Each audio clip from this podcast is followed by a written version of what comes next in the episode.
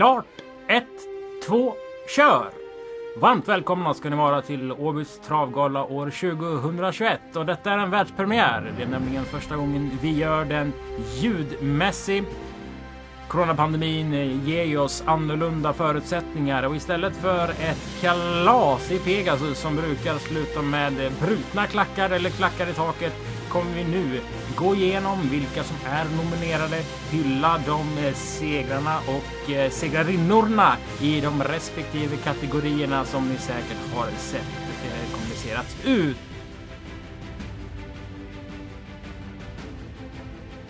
Ja, varmt välkomna ska ni vara till Åbys travgala. Jag heter Kristoffer Jakobsson och vid min sida har jag Åbys VD nu för tiden, sportchef under 2020, Jon Walter Pedersen. Läget Jon? Det är bra faktiskt. Vi har tävlingsdag ikväll när vi tar den här podden men eh, det känns bra ut inför kvällen. Och när vi eh, kollar på 2020 så tänker du vad då?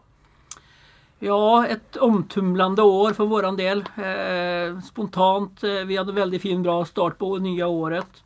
Med V75 Champions här som var en bra tävlingsdag för oss och det var mycket folk i huset och det var full orderböckerna var fulla och sen eh, så började man ju höra om det här lilla viruset långt bort någonstans och tänkte väl det ska väl inte betyda någonting för oss. Men det, det gjorde det ju. Och eh, vi skulle ju börja jobbet med Paralympiatravet och då slog det till på allvar och det blev ju totalt nedstängning. Och eh, det är det vi har fått leva med och eh, det har väl funkat. Vi har i alla fall kunnat tävla och vi kunnat jobba kvar även om det varit mycket permitteringar och väldigt många folk som har fått slutat eh, både hos oss och hos andra. Så att det, det har påverkat hela, hela Åby och hela världen kan man säga. Och hur tycker du travsporten har stått sig i den här förändringen då? Ja, det jag tycker ju SD klev in tidigt och var, var väldigt noga med det här eh, med strikta arbetsplatsen och sånt där. Vi har gått lite före, föregången för alla där och vi har klarat oss och vi har kunnat tävla vidare och det har funkat väldigt bra. Eh, och tävlingarna så har det ju klart varit väldigt fina men eh, när klart om publiken uteblir så blir inte den stämningen såklart. Det, det, det saknar man ju verkligen nu. Så att, eh, vi får hoppas att vi kan få öppna upp gradvis och komma tillbaka som normalt igen under det här året. Och om vi tittar på det sportsliga, om vi tittar på de, de eh, nominerade, de priserna vi ska dela ut. Hur, hur är magkänslan kring det? Eh, ja, det känns bra ut. Det är ju ett jädra starkt mycket starka årgångar vi har faktiskt eh, som vi har haft i år och vi har framför oss. Så att eh, Sportsligt ser det ju väldigt, väldigt bra ut för Åbys del tycker jag. Sen så är det ju klart vi har en väldigt smal topp och lite större bredd då när vi har typ en tränare som Robert Berg som dominerar ju Sverige och då klart då dominerar han ju på Åby också. Så det blir mycket priser såklart till en tränare. Eh, ni är ju en jury som tar ut de nominerade. Det är du, det är Mats Olsson från eh, GT, Göteborgs Tidning och Sören Englund från Göteborgs-Posten. Eh, de här mötena brukar ju vara eh, lite kluriga för det är ofta tajt i kategorierna. Vad var känslan efter eh, årets möte? Ja, det var eh, det. Jag tycker nästan det var lite lättare än många år. Det var klarare vinnare och eh, sen är det, var det några som var på ja, på håret kanske men jag känner ändå att det, det var inte så svårt i år. Det, mötet tog kort tid i alla fall och vi var eniga. Det är ju alltid så att någon nominering och någon eh, vinnare kan vi vara lite oeniga om. Eh, men i det här året så var vi väldigt eniga om alla vinnarna. Sen så var det väl någon nominering men det var väldigt, väldigt få. Mm. Så det är alltså en jury som tagit ut vinnarna. Om ni lyssnar på det här och har undrat om man kan rösta så är ju inte det så fallet. Utan vi har eh, den här oberoende juryn som tar ut eh, segrarna. Det kommer gå till så här att jag och Jon kommer prata om de nominerade hästarna och sen så kommer vi ha en eh, telefonintervju med eh, en eh, ägare eller en tränare eller en kusk eller en eh, ryttare. Eh, och vi får helt enkelt lära känna människorna bakom de här eh, fantastiska prestationerna.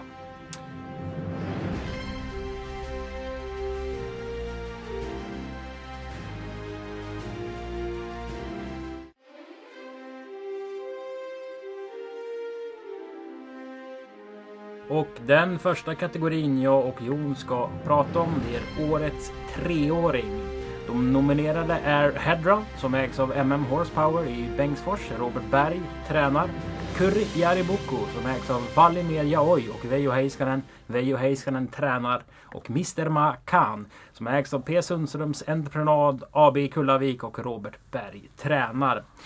Treåringssidan Jon, vad, vad känner du kring den? Eh, den känns väldigt spännande tycker jag inför den här fyraårssäsongen. Jag tycker det ser ut som väldigt mycket kan utveckla sig. av de hästarna vi har sett. Och de har ju visat framfötterna på ett starkt sätt eh, under hela året. Så att, eh, det, är en bra, det är en bra kull. Absolut en bra kull. Eh, en het potatis är ju det här med treåringstävlandet. Det finns väldigt mycket pengar att köra om som unghästar i, i svensk travsport. Eh, man ska förbjuda jänkarvagnar och barfotakörning tycker vissa. Vad, vad, tycker du om det här och vilka indi, individer tror du passar eh, bättre och sämre eh, med det här upplägget vi har nu? Ja, det är ju som sagt, du menar du av de vi har nominerat i år menar du? Ja, i allmänhet. De, genom alla treåringar som finns på bra. Ja, nej men som sagt det är ju eh, Det har alltid varit lite diskussion kring det barfotakörningen och jag tycker som jag har sagt kanske tråkigt svar men men jag tycker tre, tränarna själva eh, vet ju bäst kring det här med eh, och eh, tävla barfota eller inte. Samtidigt så har jag också den känslan att eh, i, eh, helstängt och eh, jänkarvagn och barfota och sånt där så tror jag man bränner rätt mycket krut på dem. Så att, eh, jag tycker man ser tydligt att de som eh, kan gå lite balanserade och hålla skorna på de har en bättre utveckling eh, senare. Selv om jag inte har någon riktiga siffror på det. Så att, eh, ja, det, är en svår balansgång eh, som sagt. Men eh, det är som sagt det är mycket pengar att tävla om och det gör väl också att folk maximerar väl kanske lite grann mer. Och vi har ju tre nominerade hästar. Mr Makan, om vi, om vi börjar med honom. Han tog fyra segrar på 12 starter, tjänade över 440 000 kronor. Och han börjar ju bra på Åby. Och just när pandemin slog till, då kändes det som det välde in hästar från Danmark, för det stod stilla. Norge, mm. det stod stilla. Våren på Åby var verkligen stentufft och där började Mr Makan väldigt bra. Absolut, han eh, vann ju två eh, vinster där och det var ju bra konkurrens också så man tänkte så att det här kommer att bli en eh, riktig riktig toppårgångshäst och det, det var ju, han har ju haft ett jättebra år. Han vann ju här på Åby ytterligare ett lopp lite senare i Consplay-pokalen som har varit bra fält i år och han vann ju också i Etre-bonusen där så att han har haft ett väldigt, väldigt bra år. Jag kan nämna en som inte blev nominerad som vi var på gränsen och det var ju Fire Piston. Som var med faktiskt i alla eh, de här stora loppen. Han var med i E3-final, han var med i uttagningslopp kriteriet. Eller han var två i uttagningslopp kriteriet och gjorde det väldigt, väldigt bra. Han fall väl lite grann på att det blev bara en vinst under året men han kunde lika gott varit nominerad eh, känner jag. En som är nominerad är ju Curry Jaribuko. Eh, den här hästen som Veijo Heiskanen köpte in osedd. Han visste stammen men Jari Curry var ju Finlands första NHL-proffs och enligt Veijo världens bästa hockeyspelare då, genom tiderna. Så Veijo köpte in hästen och nästan 500 000 kronor intjänat eh, under treåringssäsongen som verkligen tog fart på slutet. Han avslutade säsongen med vinst i E3-revanschen på Kalmar. Ja och han, eh, man märker på Veijo att det här är en häst man tycker jättemycket om. Man ser, jag, jag såg faktiskt ett målfoto på honom igår faktiskt som han smilar över mållinjen. Så det är en häst som man sett eh, varmt om hjärtat ska jag gissa. Han vann ju bland annat en E3-revansch och eh, vann ju ett fint lopp här på Åby i en V86 också som han var imponerade stort. Så att, eh, den har ju verkligen framtiden för sig. Den tredje nominerade hästen är Headrun som startade säsongen på Visby. Eh, då i regi Sten och Jansson. Som senare köptes till Robert Berg och det här var ju en intressant saga verkligen. Absolut. Och det är klart, det man tänker mest på det var ju eh, när han vann vinsten i försöket i kriteriet där. Då tänkte man det att den här kan ju ta hem hela finalen. Nu gick han väldigt bra i finalen som femma men man tänkte nästan att det här kan ju bli en, en eh, ta över favoritskapet så bra som han var. Så att, eh, nej, det, det, det är också en jättefin häst. Spännande säsong som kommer. Verkligen en intressant stamtavla också. Man läser ju mycket Muscle Hill Ready Cash. Det här är en häst efter Sahara Dynamite som inte har gjort så mycket väsen om sig som avelshingst. Nej men jag tycker det är mycket typiskt Robert Berg. Han behöver inte ha de toppstammade för att lyckas. Så att jag, jag, ja, det här är lite typiskt Robert Berg att han har en häst som inte har världens bästa stam men eh, man kan ändå se till att den ska vara i topp i årgången. Mr Makan, Kurri Boko och Hedran alltså var de nominerade, äh, nominerade till årets treåring.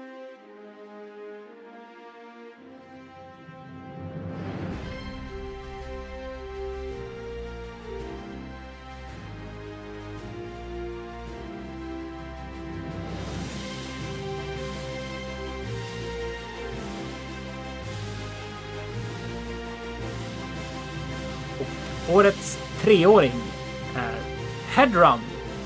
Stort grattis säger vi till Mikael Johansson som är en av delägarna till Headrun. Tackar så hemskt mycket. Ödmjukast. Mikael, berätta om eh, ja, hela Headruns resa under 2020 från det första telefonsamtalet när ni ringde till Robert Berg och sa att vi är intresserade av en häst till hans eh, flertalet triumfer. Ja, det, det blir ett, ett långt utlägg så vi får korta ner det lite grann då och då är det ju så att vi hörde av oss till Robert och berättade att vi var intresserade av att skaffa häst och eh, han eh, man kunde hjälpa till med det då, som man gjorde. Fast vi var väl inte... Vi hade tänkt oss kanske köpa en häst om ett halvår eller ett år eller någonting, men lägger ut kroken lite tidigare så att eh, han får tid på sig. Men han behövde inte så lång tid, Robert, innan, innan han återkom och sa att nu har jag hästen, eller hästarna, för han gick ju ett paketbrist där. Vi köpte ju Belker samtidigt som Hedran då. Och på den vägen blev det och eh, hästen gjorde sin första start nere på Åby och eh, slutade ju med triumf med seger jättebra. Men att det skulle bli riktigt så bra som det blev, vi är supernöjda fast vi inte, fast vi inte hade de bästa förutsättningarna och eh, lite banor som spelas spratt och lite sådär eh, Och lite tuff körning var det väl i några lopp där som... Så är vi väldigt nöjda med årets resultat och uh, roligt att ha en sån häst som är med i de sammanhangen och visar sig med där uppe. Så att, ja, jättestolta. Var det så att det var Belker eller en häst i Belkers kaliber ni ville köpa eller ville ni köpa Hedrun och fick Belker på köpet eller var det bara att det blev bägge två? Nej, vi ville väl köpa en häst i vi visste ju inte kalibern riktigt på Hedran men eh, vi ville väl köpa en häst i lite bättre kaliber i, ja typ i Belkerklass om man säger så. Och jag hade ju aldrig sett Hedran för han hade ju bara gjort en start och jag följer det inte så noga men jag följde det väldigt noga eftersom min pappa har haft hästar i över 20 år. Vi har varit i travbranschen där och så att jag är ju väldigt travintresserad men en start på Visby där som jag hade bommat om. Han gjorde sin första start i alla fall men det hade ju Robert sett. Så då blev det att det blev ett paketpris där och vi trodde väl inte att den skulle vara av den kalibern som han visade sig vara. Trodde inte jag i alla fall för att eh, han var lång och stor, eller hög och stor och gänglig liksom. Det var ingen eh, skönhet direkt när han kom där men eh, Robert trodde väldigt mycket på den här hästen så att, och det, han hade ju rätt. Och eh, en av triumferna tog ju hästen i kriteriekvalet. Beskriv det ögonblicket när du förstod att du skulle vara med i, i svenskt eh, travkriterium med den här hästen. Ja, det trodde man ju nästan inte var, var sant liksom. Och det var ju ja, det största som man har upplevt inom travsporten. Eh, få en häst liksom bara vara med där sig i det kvalet tycker jag är hedersamt. Och, att ha med en som vinner det också då på ett sånt sätt som han vann det. För han fick ju inget gratis där heller. Han fick ju stenhård press av norsken där elegant Ima sista rundan där så det var ju ingen bluffseger heller och då förstod man väl först vad, vad det var, att det var att det var en riktigt bra häst det här. Han gick till vintervilan med fyra segrar på sju starter, över 680 000 kronor tjänat. Eh, hur verkar det med hästen nu och vad, vad drömmer ni om för lopp i, eh, under det här året? Ja, eh, jag är ganska försiktig i mina uttalanden men eh, jag drömmer väl att vara med i, i liknande lopp som man var med i som treåring. Alltså lite årgångslopp och grejer, det är väl min dröm. Och eh, skulle, han få, skulle han vara det så, så är allting bonus ungefär. Så, så tycker jag, känner jag. Och eh, enligt Robert och personal där så fick ju hästen ett väldigt tufft lopp det sista så han fick ju vila där i ett par månader. Han bara gick i hagen och hade ett skönt och uh, har börjat kört i tre, tre veckor sedan någonting börjat kört han igen och han har lagt på sig en hel del och blivit rund och jättefin påstås det från stallet. Jag har inte varit där nu på ett tag men eh, de är väldigt, väldigt nöjda med hur, hur han ser ut och hur, hur han har tagit det här. Så att eh, hopp, det är bara peppar peppar att, man, att hästen är hel och, och fräsch och får vara med så tror jag väl att vi ska kunna kanske vara med i något sånt här lopp igen. Det låter som ni verkligen har en spännande framtid framöver. Stort grattis säger jag till, till priset Årets treåring, eh, Mikael. Ja, tack så hemskt mycket. Tackar eh, som ödmjukast. Som jag sa, det här har aldrig varit med om något liknande förut. Vi är jättestolta. Faktiskt. Tackar Robert Berg med personal vill jag verkligen göra också. Mm. Stort grattis Micke och ja. eh, lycka till med Headrun. Tack så mycket.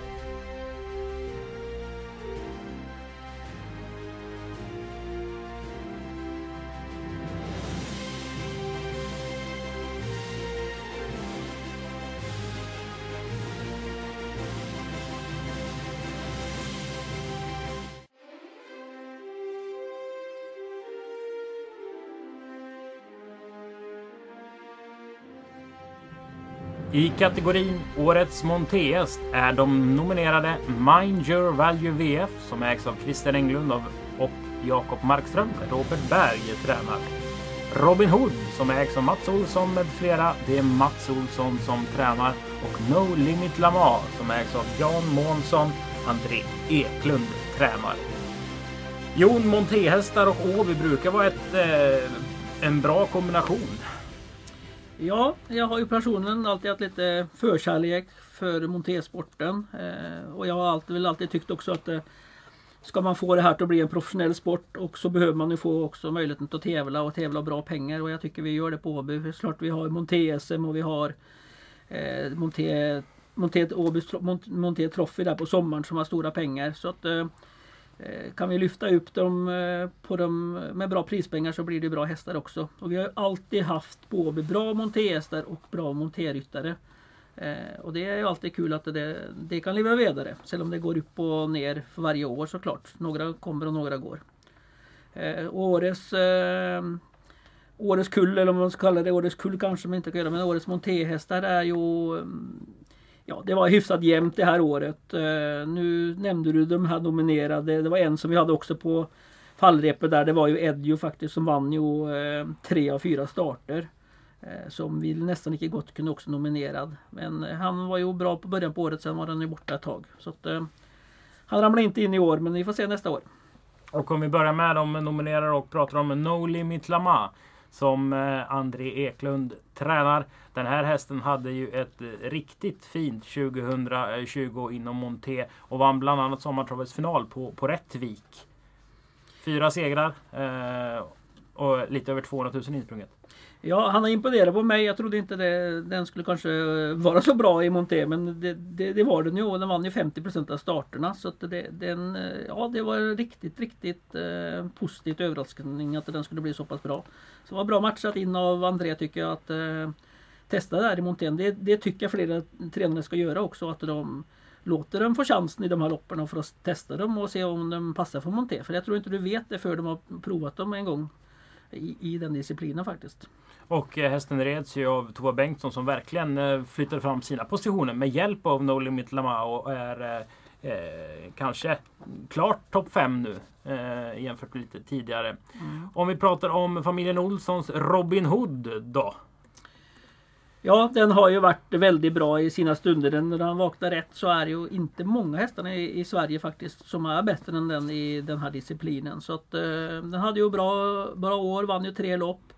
Och tjänar också drygt eh, 200 000.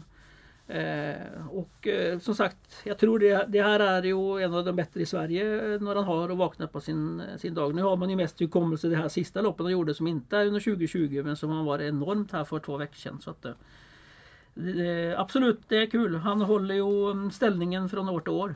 Ja, en häftig häst och ett väldigt fint jobb av familjen Olsson. För han har ju eh, problem kan man väl säga med sig själv och är lite svår att träna. Så verkligen snyggt jobbat att nå de här framgångarna. Och han som alltid är med då. Eh, Ja. Mind Your Value VF som inte gör, har gjort så många montéstarter i år. Men eh, gör man det på Vincennes och är topp tre så är det ju respektingivande. Ja, och det var ju därför också han blev nominerad. Han inledde ju året på, eh, i den vinter, förra vintermeetingen på Vincennes och var, var där framme. Han vann väl ingen lopp förra året men han startade ju inte så många gånger. Eh, han var, startade ju bara två gånger och var eh, två och trea på Vincennes. Eh, och klart inbördes så kanske är det kanske den bästa hästen i montén. Så att, eh, eh det ska bli spännande att se där när Robert plockar ut han eh, under det här vintermittet. Han kommer säkert göra några starter i, i monté också det här året. Mm. En häftig häst, eh, helt klart. Så de nominerade i årets montéhäst är alltså Mind Value VF, No Limit Lama och Robin Hood.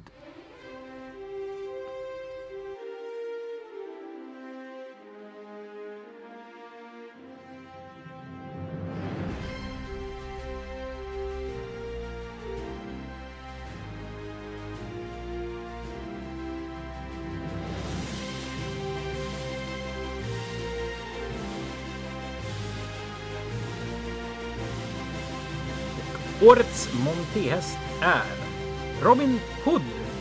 Och med på telefon hästens eh, ägare, det är en andelshäst kan man säga, och tränare Mats Olsson. Stort grattis Mats! Ja, jätteroligt. Stort tack eh, Kristoffer.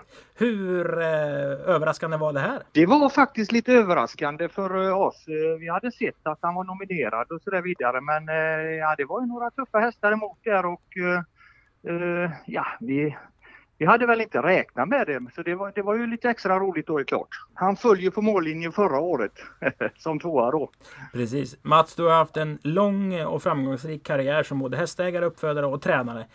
Är det ändå den största överraskningen i din karriär? Den här förvandlingen man kan säga att Robin Hood har eh, visat inom Monteo. den fantastiska utvecklingen. För, för oss som såg honom tidigt, det var ju en väldigt bångstyrig häst för vagn. Han hade ju eh, sina problem och så vidare. Kan du berätta lite om dem, eh, den här resan ni varit med om?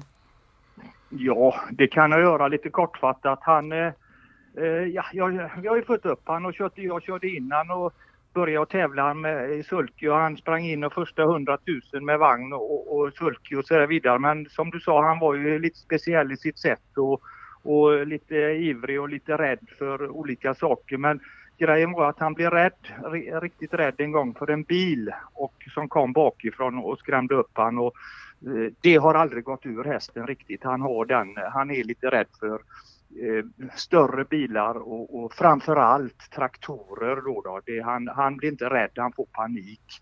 Och eh, ja, han var lite besvärlig för mig som amatör. Och vi lämnade in han i proffsträning och tänkte att eh, de får trimma han där nere och ha han eh, på en större bana och så här vidare. Men det blev ju helt fel för han och han eh, råkade ut för en väldigt allvarlig olycka i Halmstad där och vi trodde väl att hans karriär var över helt enkelt. Vi, vi, eh, det, han var på sjukstugan varje dag under lång tid för att läka ut detta här som han råkade ut för. Och, ja, vi tog hem han i alla fall till slut och, och eh, uh, började med han eh, och, och och jag körde han de fem, sex, sju, åtta första monterloppen tränade han med vagn men, men eh, sen gick inte det heller längre för han blev ytterligare rädd en gång för en maskin på Balltorp där skena med mig och då, då bestämde jag mig att nu, nu är det bara under sadel som gäller. Och det har han gjort bra. Som tur var så var ju karriären, eh, fanns ju med monté för han så att det var ju tur för den hästen då. då.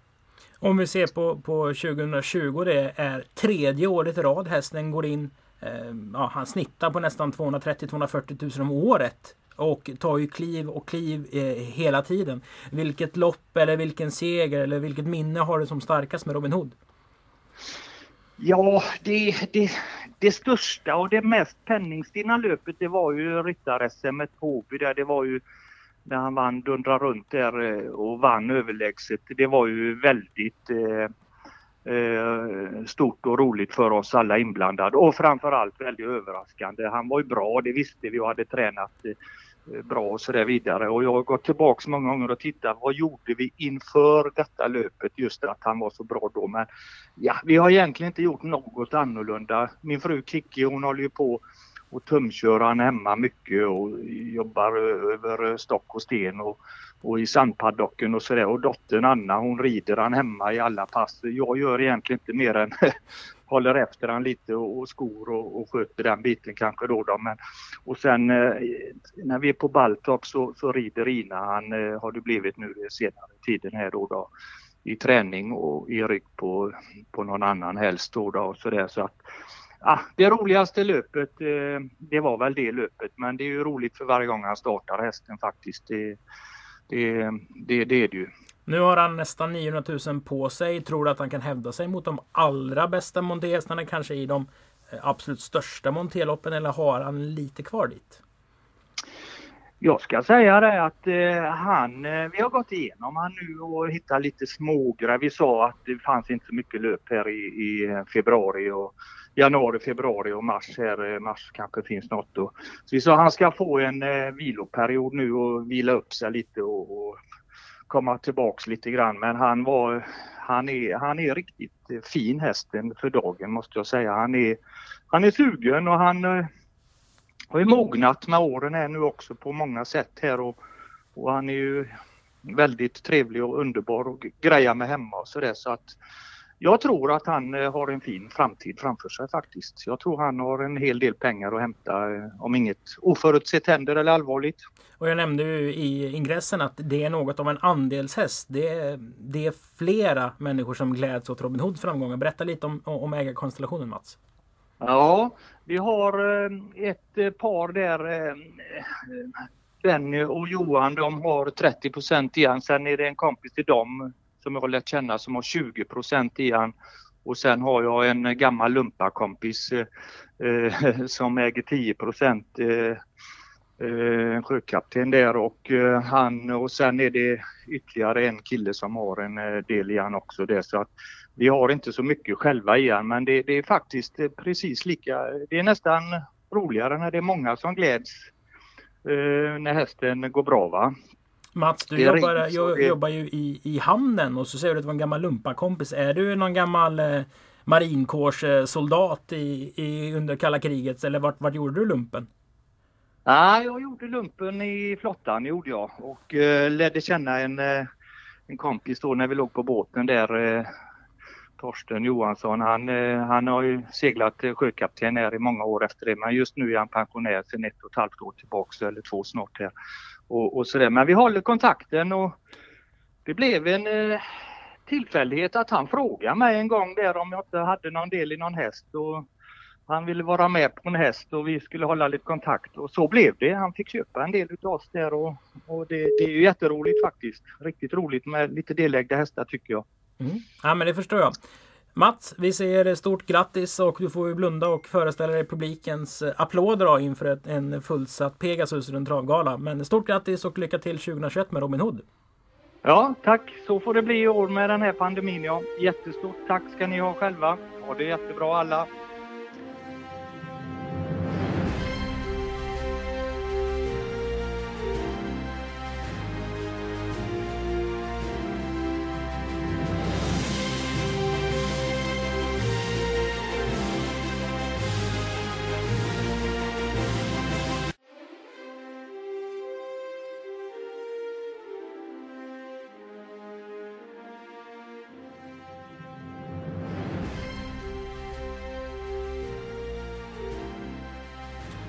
Årets ponny är Kolmans Piggelina.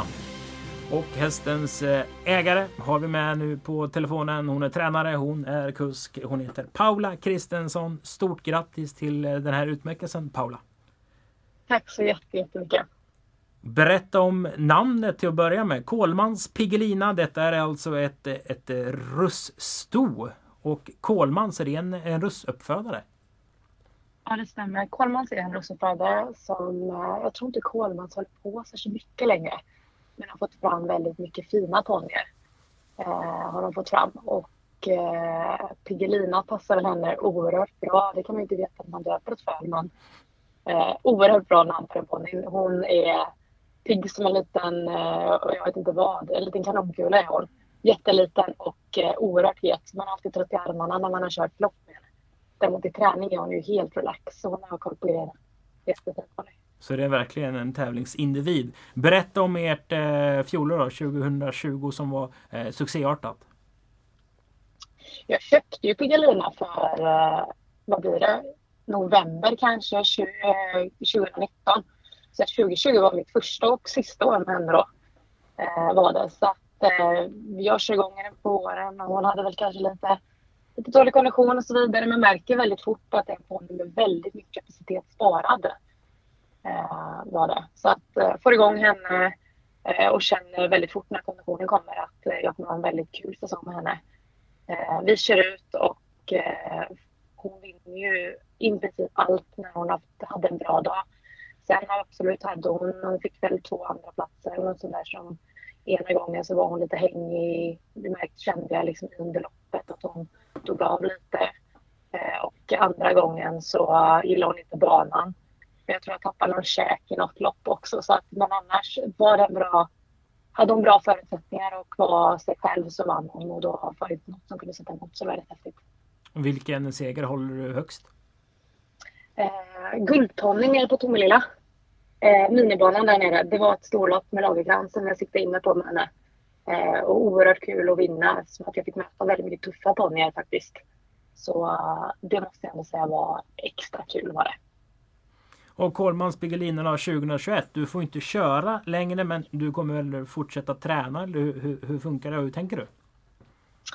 2021 har jag lovat mig själv att vi ska betäcka henne ska vi göra. Men eh, innan hon är bokad till i maj Ja, Och om nu säsongen kommer igång som den ska så är mina planer att hon ska få göra några starter först kanske på påskbomben i vår då till exempel. För det var ett lopp som tyvärr blev inställt förra året som jag hade sett annat in på. Så jag tänker att eh, dit ska hon gärna få gå ut. Men då får jag ju slänga upp någon annan. Eh, vi ser vem som klickar med henne. Hon är ju en rätt pigg ponny som kräver ändå en kusk. Så vi får se vad jag hittar för någon som är sugen på henne. Mm. En spännande framtid både för dig och Piggelina. Stort grattis till eh, detta Paula. Tack så jättemycket.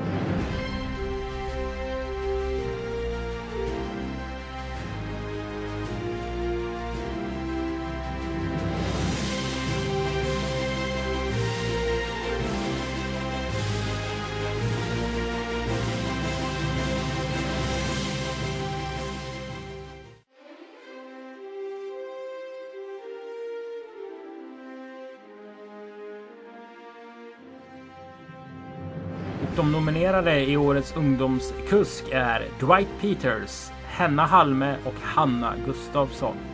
Eh, något av en ny kategori Jon. Eh, licenssystemet eh, blev ju ändrat 2020 och vad är, är jag en ungdom? Ja det är du väl faktiskt. Ja. Sista året va? Skönt. Ja, är det så? Ja, jag tror det. För enligt många tariffer så är det ju Vången kupplopp bland annat. Det är ju stängt till... I år blir det väl 90 91 om man är född 91. Ja. Till det året man är, är 30 får man ju delta och då är det alltså 30-gränsen vi använt här också. Ja, vi, vi, vi funderar lite grann hur vi ska göra med den här kategorin då som kan du säga det nästan varit lärlingskategorin då. Men vi, vi valde att kalla det årets ungdom då och eh, då, då tänkte vi att 30 år är ju ett, i och med att det är många som du säger Vången och eh, de här serierna är oftast 30 på så att vi valde att ja, till och med när man har fyllt 30 får de ju vara med i den här kategorin helt enkelt.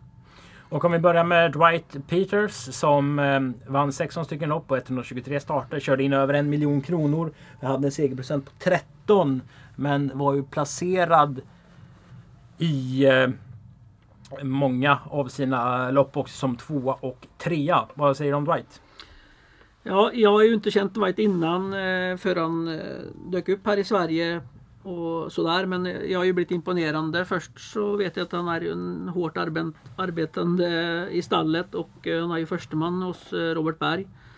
Och eh, kör ju på väldigt eh, proffsigt eh, sätt så att eh, om man skulle vara ungdom eller lärling och sånt där, så, så agerar han precis som de bästa proffsen. Och han har ju kört mycket tidigare också i olika länder. Så att eh, väldigt mycket rutin och kör på ett väldigt bra sätt.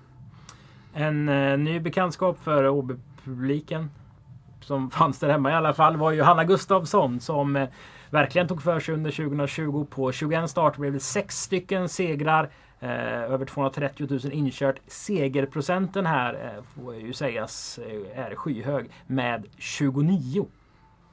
Ja, det är imponerande alltså. Jag kommer ihåg Hanna Gustavsson också när man var med i ponnyerna. Det här är ju ett lysande exempel att man tar sig från eh, från ponny och upp till stor häst och eh, hon har ju lyckats jätte jättebra. Hon, och sen har det några av de här segrarna har ju inte varit helt eh, med favoriter eller de, de har ju varit lite skrällbetoning på några hästarna. Så att, eh, nej, hon har kört kör jätte jättebra eh, Hanna. Så att det, hon tar för sig. Så det är ett, ett namn som vi kommer att höra om i många år framöver.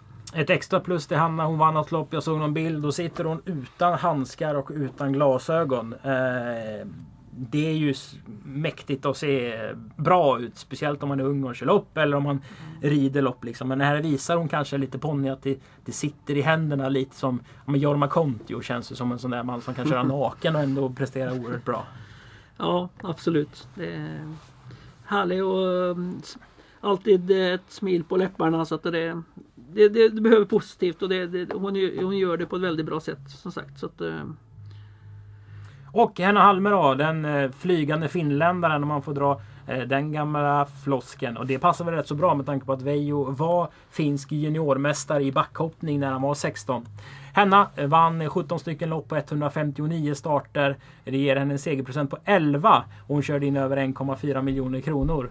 Eh, och hon har verkligen etablerat sig på Åby som en, en, en, en duktig kusk. Absolut och vi pratade ju i Årets kusk är hon ju också nominerad och eh, som sagt är du Årets kusk på Åby så klart du ska vara årets nominerad i den här kategorin också. Eh, och eh, som sagt hon, hon gör det ju stabilt och bra hela tiden. Så eh, fina siffror under 2020, absolut. Så de nominerade i Årets ungdomskusk är alltså Hanna Gustafsson, Henna Halme och Dwight Peters.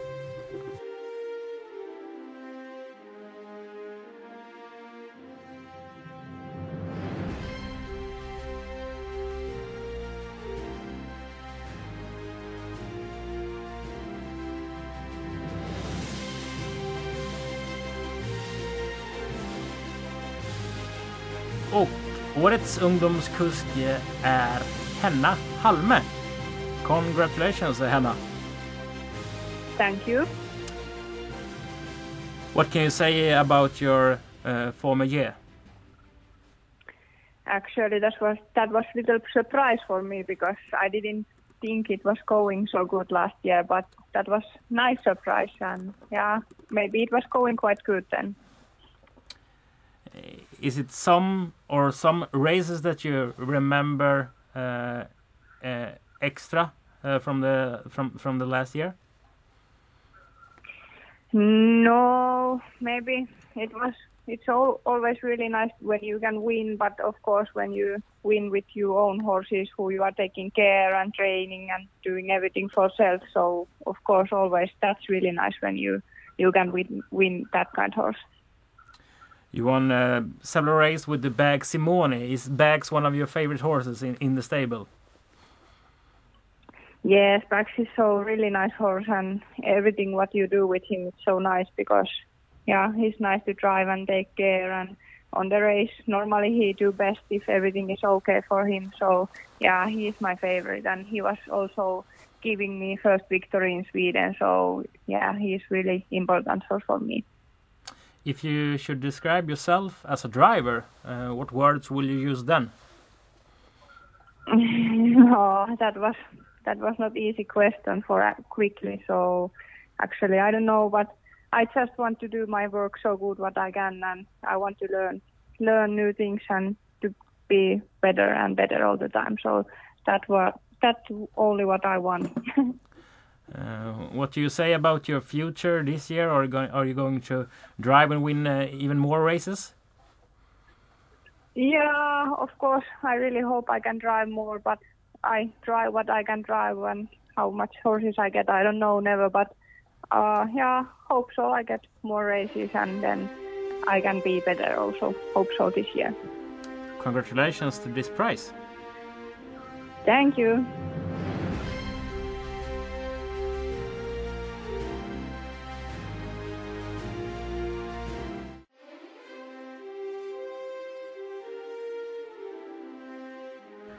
Då är vi framme i kategorin som eh, Jon hade hamnat under. Årets äldre. Där de nominerade är Mind Your Value VF som ägs av Christer Englund och Jakob Markström. Robert Berg tränar. Pacific Face som ägs av Team Lobrano AB och Giuseppe Lobrano tränar.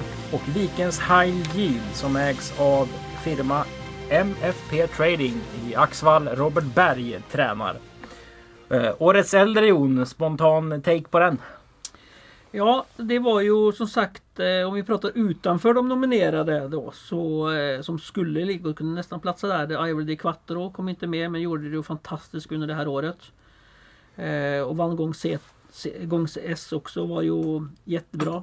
Så det här var ju också en eh, kategori som det var eh, ja, Viss diskussion kring Ja bordet. det, ja det var det faktiskt. Så var det. Men eh, som sagt vi, vi, vi blev eniga till slut och eh, vi fall för de tre nominerade då.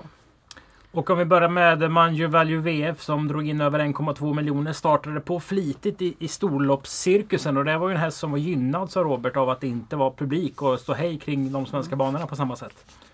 Ja absolut och eh, han eh, vann ju, jag tror han vann Silverörnen där. Han vann ju två gulddivisionslopp som han var riktigt, riktigt bra i. Eh, jag kommer ihåg väldigt väl när eh, vi, vi, jag gav en inbjudan till eh, Åby Stora Pris då över 3-1 på hemmaplan utan publik. Och då sa, då sa Robert till mig att visst, jag får ett framspår den här gången så tror jag vi kan göra, vara med om det. Och det tror jag faktiskt han hade varit den gången. Eh, man, nu fick han ju bakspår och då, då var ju liksom Då var det ridån ner sa ju Robert direkt också. Men han, eh, han är ju i sina bästa stunder så otroligt bra och hade ju ett fantastiskt bra år. Eh, så att eh, nej, det är en jädra hård krigare faktiskt.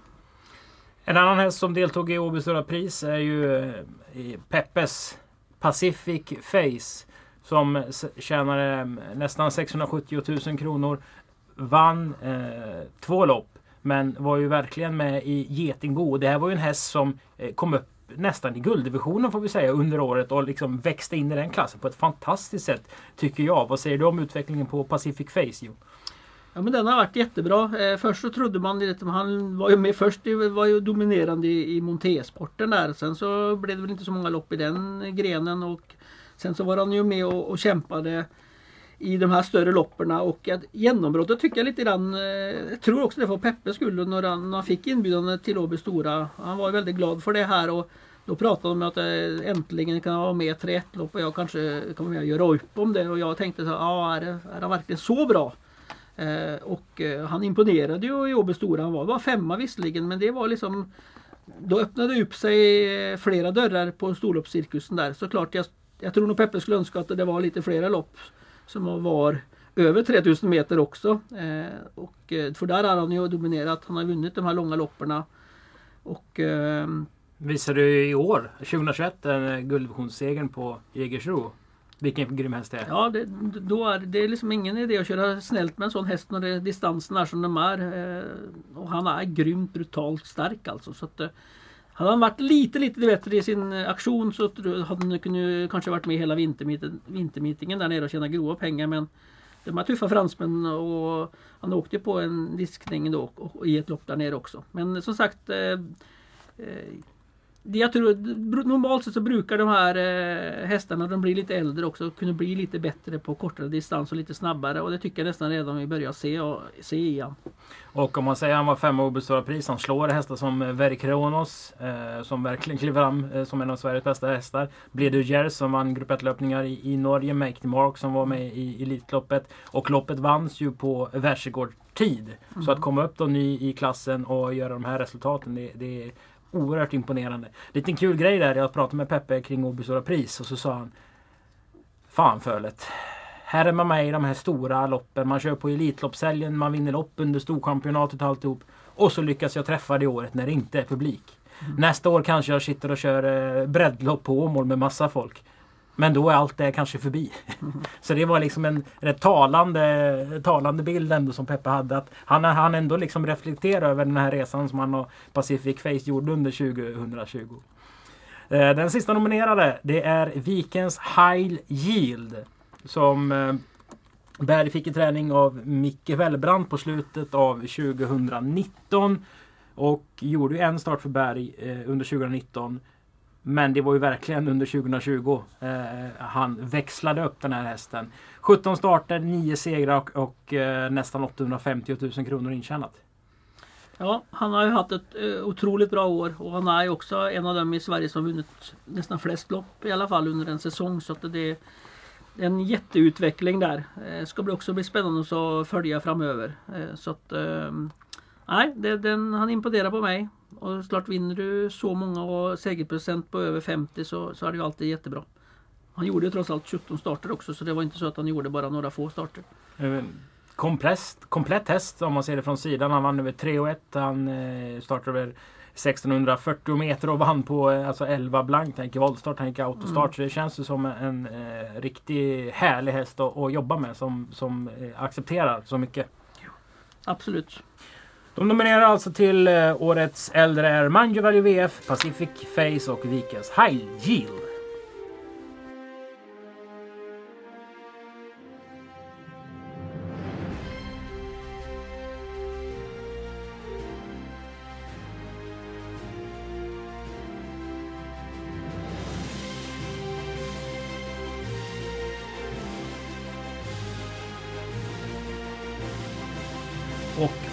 Äldre häst är Vikens High Yield.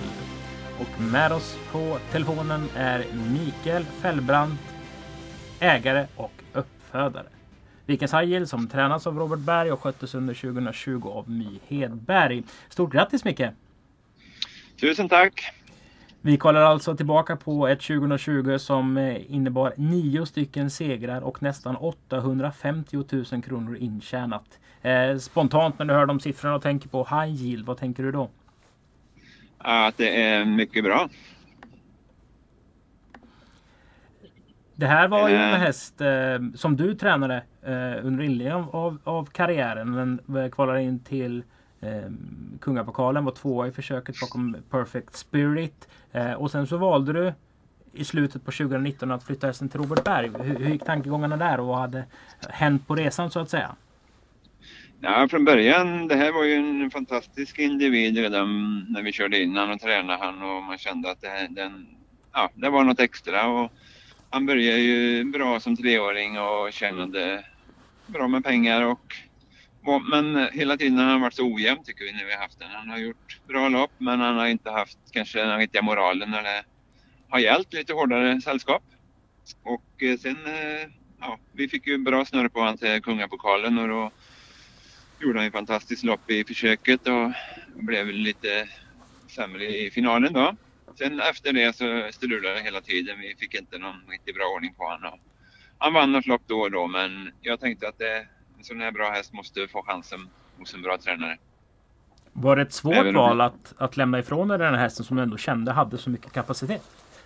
Ja, självklart. Jag tror, eh, eller, det får man säga, jag var, rätt så, jag var rätt så stolt över det beslutet själv faktiskt. För det är nog inte många amatörtränare som har, jag har en del hästar ändå som lämnar bort de bästa hästarna. Men jag tycker att det var ett rätt beslut i alla fall. Och vad gick du in eh, i det här året med 2020 för förväntningar? Han har gjort en start hos eh, Berg i slutet av eh, december och slutade han femma och sen var det en ny kula och han kom ut i början på mars när Kanske då man fick köra barfota i alla fall. Det fick man ju då. Och vad hade du för tankar inför hans säsong? Nej, Robert var ju, var ju mycket nöjd med hästen och tyckte att det var ett praktexemplar och han har fantastisk fysik och så vidare. Så att jag trodde väl att han skulle utvecklas ett steg till och det gjorde han ju verkligen. Är det något speciellt lopp eller speciell händelse under det här året som du är lite extra stolt och glad över. Du var ju själv flitigt elden som, som B-tränare och kanske var på plats någon gång när hästen vann då du startade till något annat lopp. Ja, det var några gånger faktiskt. Och, alltså, det som jag är mest imponerad av är att eh, Robert har fått honom att, att ta ut sig i, i slutstriderna. När det har varit, han har till och med kontrat några gånger här och kanske det loppet på Färjestad som var, det var 3 och 1 lopp där uppe någon gång vid påsk och där man körde otroligt fort i på flera ställen i loppet och, och han var slagen i sista kurvan tyckte jag men att han ändå kontrade och, och vann då. Det, det, var, det var kusligt bra tycker jag. Nu är han uppe i silver med 1,4 miljoner intjänat. Vad har du för drömmar och förhoppningar inför den här säsongen? Ja, drömmarna är ju naturligtvis att han ska utvecklas ytterligare. Och det tror väl Robert också om jag tolkar han rätt. Eh, så det är väl eh, ja, och, och hoppas att kunna vara med i något större lopp kanske här under året. Det vore ju fantastiskt. Och lite om dig själv då uh, Micke. Vi ser din gulblåa uh, eh, ägardress ibland på banorna. Men du är ju alltså uh, ägare, uppfödare. Du tränar dina hästar själv och, och det är i väldigt stor skala. Du äger häst och satsar på, på sporten. Berätta lite om hur du kom in och, och hur intresset blev så stort. Jag har väl hållit på i drygt eh, 30 år med hästar i liten skala och sen sista ja, fem, sex åren så har vi väl utökat lite och har eh, lite större verksamhet med egen uppfödning och en ny gård och lite folk som hjälper mig i teamet här. Så att, eh, jag tycker det är fantastiskt kul med hästarna naturligtvis och, eh, oj, och eh, ja, allt runt omkring det, folket och, och, och, jag älskar verkligen att träna hästarna. Jag tycker träningen är mer intressant än eh, än tävlingen faktiskt, vilket kanske är ovanligt. Ja, det hör man ju inte varje dag faktiskt. Nej, jag tycker att träna upp hästarna är roligt, särskilt unga hästar. Det förstår jag. Eh, tusen tack mycket för samtalet och stort grattis till eh, priset som Årets äldre, alltså till Vikens High Yield. Tusen tack!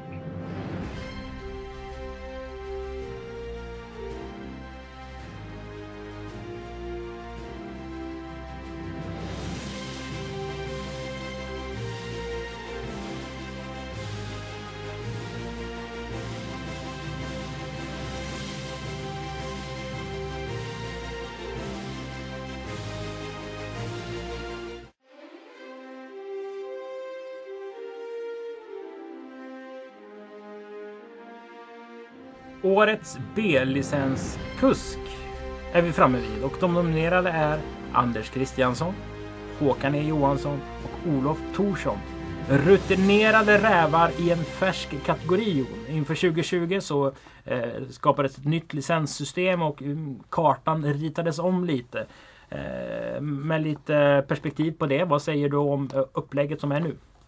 Nej men jag, jag har varit eh, Jag tycker liksom det nya licenssystemet förenklar det väldigt, väldigt mycket. Och det finns många positiva saker.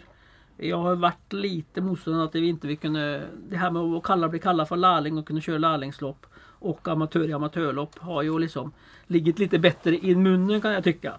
Eh, och det tror jag de flesta tycker som kör de här loppen också.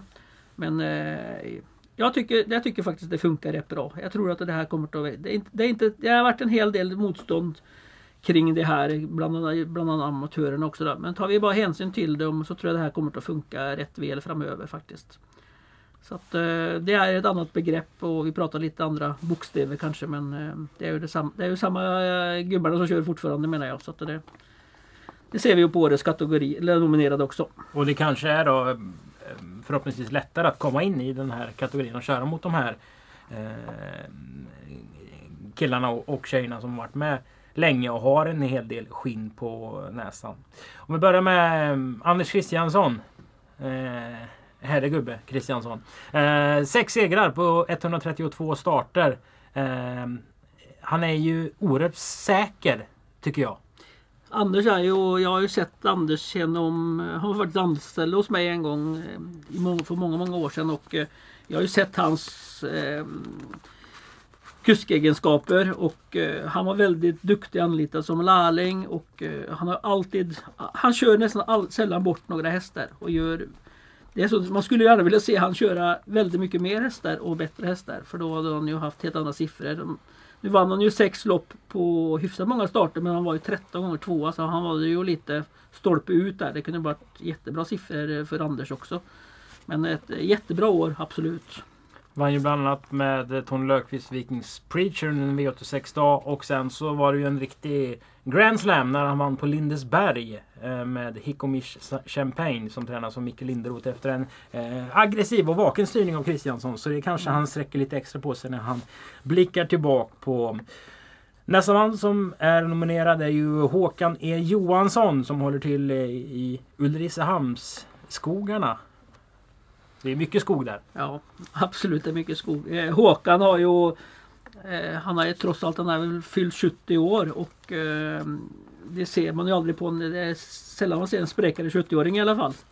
Och eh, han var ju vann väl den här kategorin förra året och eh, håller uppe sina siffror och har ett par riktiga fina hästar i stallet. Eh, så det, han kommer nog säkert få ett bra år 21 också. Men han gjorde det väldigt bra under det här året. Och eh, ja, det körde ju in en kvarts miljon som kusk och vann fyra lopp då under året. Eh, spräkare, är det det norska för fräsch eller? Ja det kan man väl kalla det. Ni får, ta, ni får, ta, det på köpet faktiskt. Dejliga var spräketer. eh, sista mannen då, Olof Torsson. Eh, som ofta är nominerad, ofta är på galan, är duktig på Eh, styrdans kanske det heter när man dansar lite långsammare. Han är aktiv på golvet i början av kvällen tycker jag. Man ser Torsson i alla fall. En duktig kusk också som är, som är aktiv i sulken. Fyra segrar på 64 starter, en bit över 420 000 inkört för Torsson. Som också tränar eh, många av sina hästar och, har ju jobbat mycket för det här med förbättringar och vill ändå framåt. Och jag vet att han har diskuterat mycket med prisskalor och licenssystem med dig och även varit ordförande var i Åbys eh, amatörkörsvensklubb. Absolut. Eh, Olof, eh, som sagt, förutom att han är en duktig kusk och nominerad till här säsongen så så vi har en hel del samtal ibland och han, och han har ju som sagt bra åsikter och vi har genomfört bland annat den här breda skalan som finns i hela Sverige nu. Det var det faktiskt Olof Thorsson och vi som diskuterade från början. Så att, eh, Det är alltid bra att få lite eh, från de aktiva för att vi måste ju få, ska vi veta och rätta till olika saker så måste vi veta om vi gör rätt eller fel också. Olof är väldigt bra på feedback eh, och han säger till både om det är dåligt eller bra. Så att det, det gillar jag faktiskt. Och Olof är ju en eh, man som jag har sett mycket under mina tio år här. Tänkte man ah, hade en sån där häst som, som Leader Tom, att den tjänade en miljon och han körde invändigt och han körde precis efter hästens liksom eh, maxade den jättesnyggt. Nu är han på gång att kliva över en miljon med en sån häst som Liza with a Z. Och mm. han kör ju sina hästar och ger dem långa karriärer tack vare sin körstil oftast. Absolut. Han kör ju väldigt mycket proffslopp ska man ju också säga. Han kör sina egna hästar mot de bästa. Mm. Ja, han är aldrig rädd för att ta för sig de loppen. Så att, eh, det är klart, han, det utvecklas man ju på också. Men eh, som sagt, han har varit med länge i gamet och vet ju vet ju begränsningarna och eh, jag pratade med han som typ efter någon tävlingsdag som han egentligen jag tror inte han fick pengar men jag körde i alla fall felfritt och han är en glad positiv kille och det tror jag smittar av sig också på hästarna som han kör också. Mm. Tre fina B-licenskuskar alltså nominerade till eh, det här priset. Anders Christiansson, Håkan E Johansson och Olof Thorsson.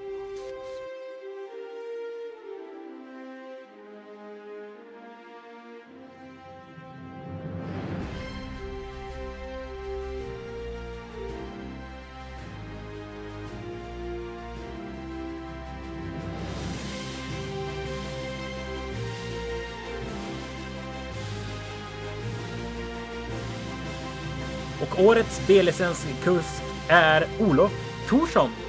Stort grattis Olof! Ja, det var ju överraskande. Tack så mycket. Det är överraskande säger du? Ja. Varför var det överraskande? Nej, för att jag tycker inte att jag har vunnit så många löp så att jag trodde att jag skulle bli, bli det. Hur ser du på ditt 2020 då? Ja, som vanligt så tycker jag alltid att det kunde gå bättre. Är du din egen eh, största kritiker? Det vet jag inte. Jag tror Mia Elfstrand är min största kritiker. Mia Elfstrand? Ja. Om du ser tillbaka på 2020 då. Du skulle vinna eh, fler lopp. Du vann fyra men körde in över 400 000 kronor. Ja, du skulle nog behöva dubbla de siffrorna för att jag ska bli nöjd. Va? Vilka hästar 2021 är, är det som gör att du kommer dubbla dem då? Uh, Wicklet Dream. Berätta lite om Wicklet Dream. Det är alltså en eh, dotter till uh, Wicklet Hanover. Nej, en son till son.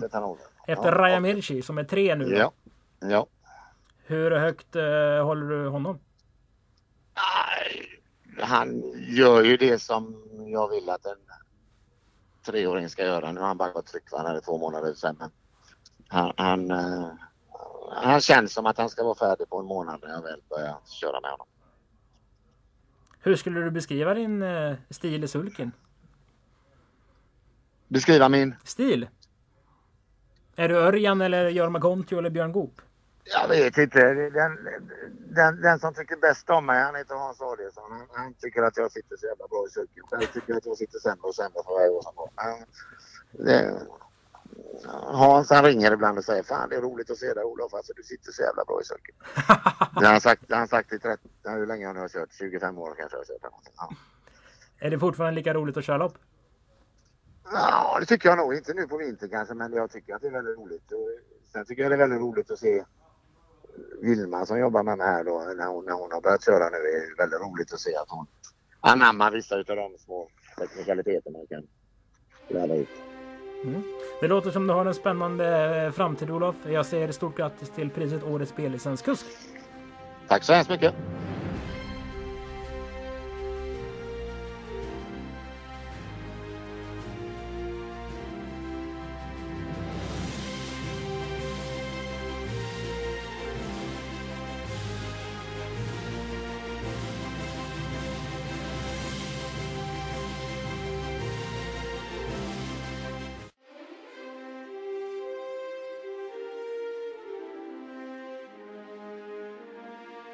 Ja, Jon, vi är framme vid kategorin Årets kusk.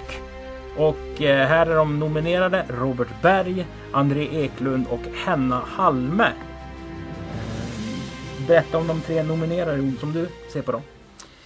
Ja, det är... Eh, det är klart. Det är tre jättebra kuskar. Eh, som är i olika fas i sin karriär såklart. Henna Halme är ju en ung och väldigt bra körande ungdom. Och eh, jag tycker hon tar för sig mer och mer och mer. Eh, köper bra sätt och har mycket mer i större sammanhang. Kör mycket V75 lopp. Så att eh, hon har ju bra rutin. Hon har ju kört väldigt mycket genom hela sin karriär. Och jag tycker hon gör det jättebra. Det blir 17 segrar och över 1,4 miljoner intjänat. Ja, det är fina siffror. Hon kör ju oftast för Veijo Heiskanen då. Som oftast har ju bra tränat också. Så det, det underlättar ju kanske lite. Eh, ser vi på André Eklund där som eh, ja, Jag har ju alltid tyckt André kör med väldigt fin hand och eh, gör det bra och förbättrar sina siffror år på år. Så, och han har också med i de större sammanhangen så att det, det, hans siffror med 73 segrar eh, och 6 miljoner inkörd. Det, det, det, är jättebra och det är som sagt han har ju inte lastgammal han eller så att han han också har framtiden framför sig så det, det de nästa tio åren för, för André så tror jag det att eh, han kliver nog in bland de största i Sverige. Och mycket av pengarna han kör in är ju från det egna stallet. Eh, och det är ju kul. Eh, får man ändå säga. Det är ju många som väljer catchdriver-linjen kanske bland de lite yngre. Men här har man en kille som både tränar och kör och gör det med framgång. Ja, han lägger hela sin själ på det här och sköter ju sin egen gård. Det ska man också tänka på det att... Eh, ja, det vet ju du om någon. Ja, det vet jag väldigt mycket om och speciellt den tiden på året som vi är eh, runt nu med besvära, svåra förhållanden att sitta uppe på nätter och köra och du ska göra ett jobb med dina hästar i stallet och anmäla ut dem och köra dem på, på kvällarna och vinna med dem. Det, det, det är ett tufft jobb och det har han gjort eh, jätte, jättebra måste jag säga. Och sist men inte minst eh, Robert Berg som på 640 starter vann 120 lopp. Det ger honom en segerprocent på 19 vilket är eh, högt när man kör så pass mycket som man gör. Och bland triumferna vi har pratat om eh, derbyt, vi har pratat om eh, Europaderbyt när Power och Hail Mary är ju de hästarna vi pratar om då. Och det är ju tunga löp att vinna alltså. Ja absolut. Man kan ju vinna den här kategorin också. Vi har kanske inte vunnit flest och sånt där men det är som du säger, han har vunnit väldigt mycket lopp, hög segerprocent i högsta konkurrens, kört in 18,5 miljon och vunnit de här tunga titlarna också. Det, han, har, han, har, inte bara tränat dem, men han har också kört ehm, dem till de här tunga titlarna. Så det, det väger ju klart väldigt tungt i sånt här. Som sagt, eh, det är eh, ett gäng med riktigt bra kuskar. Och de nominerade är alltså Robert Berg, André Eklund och Henna Halme.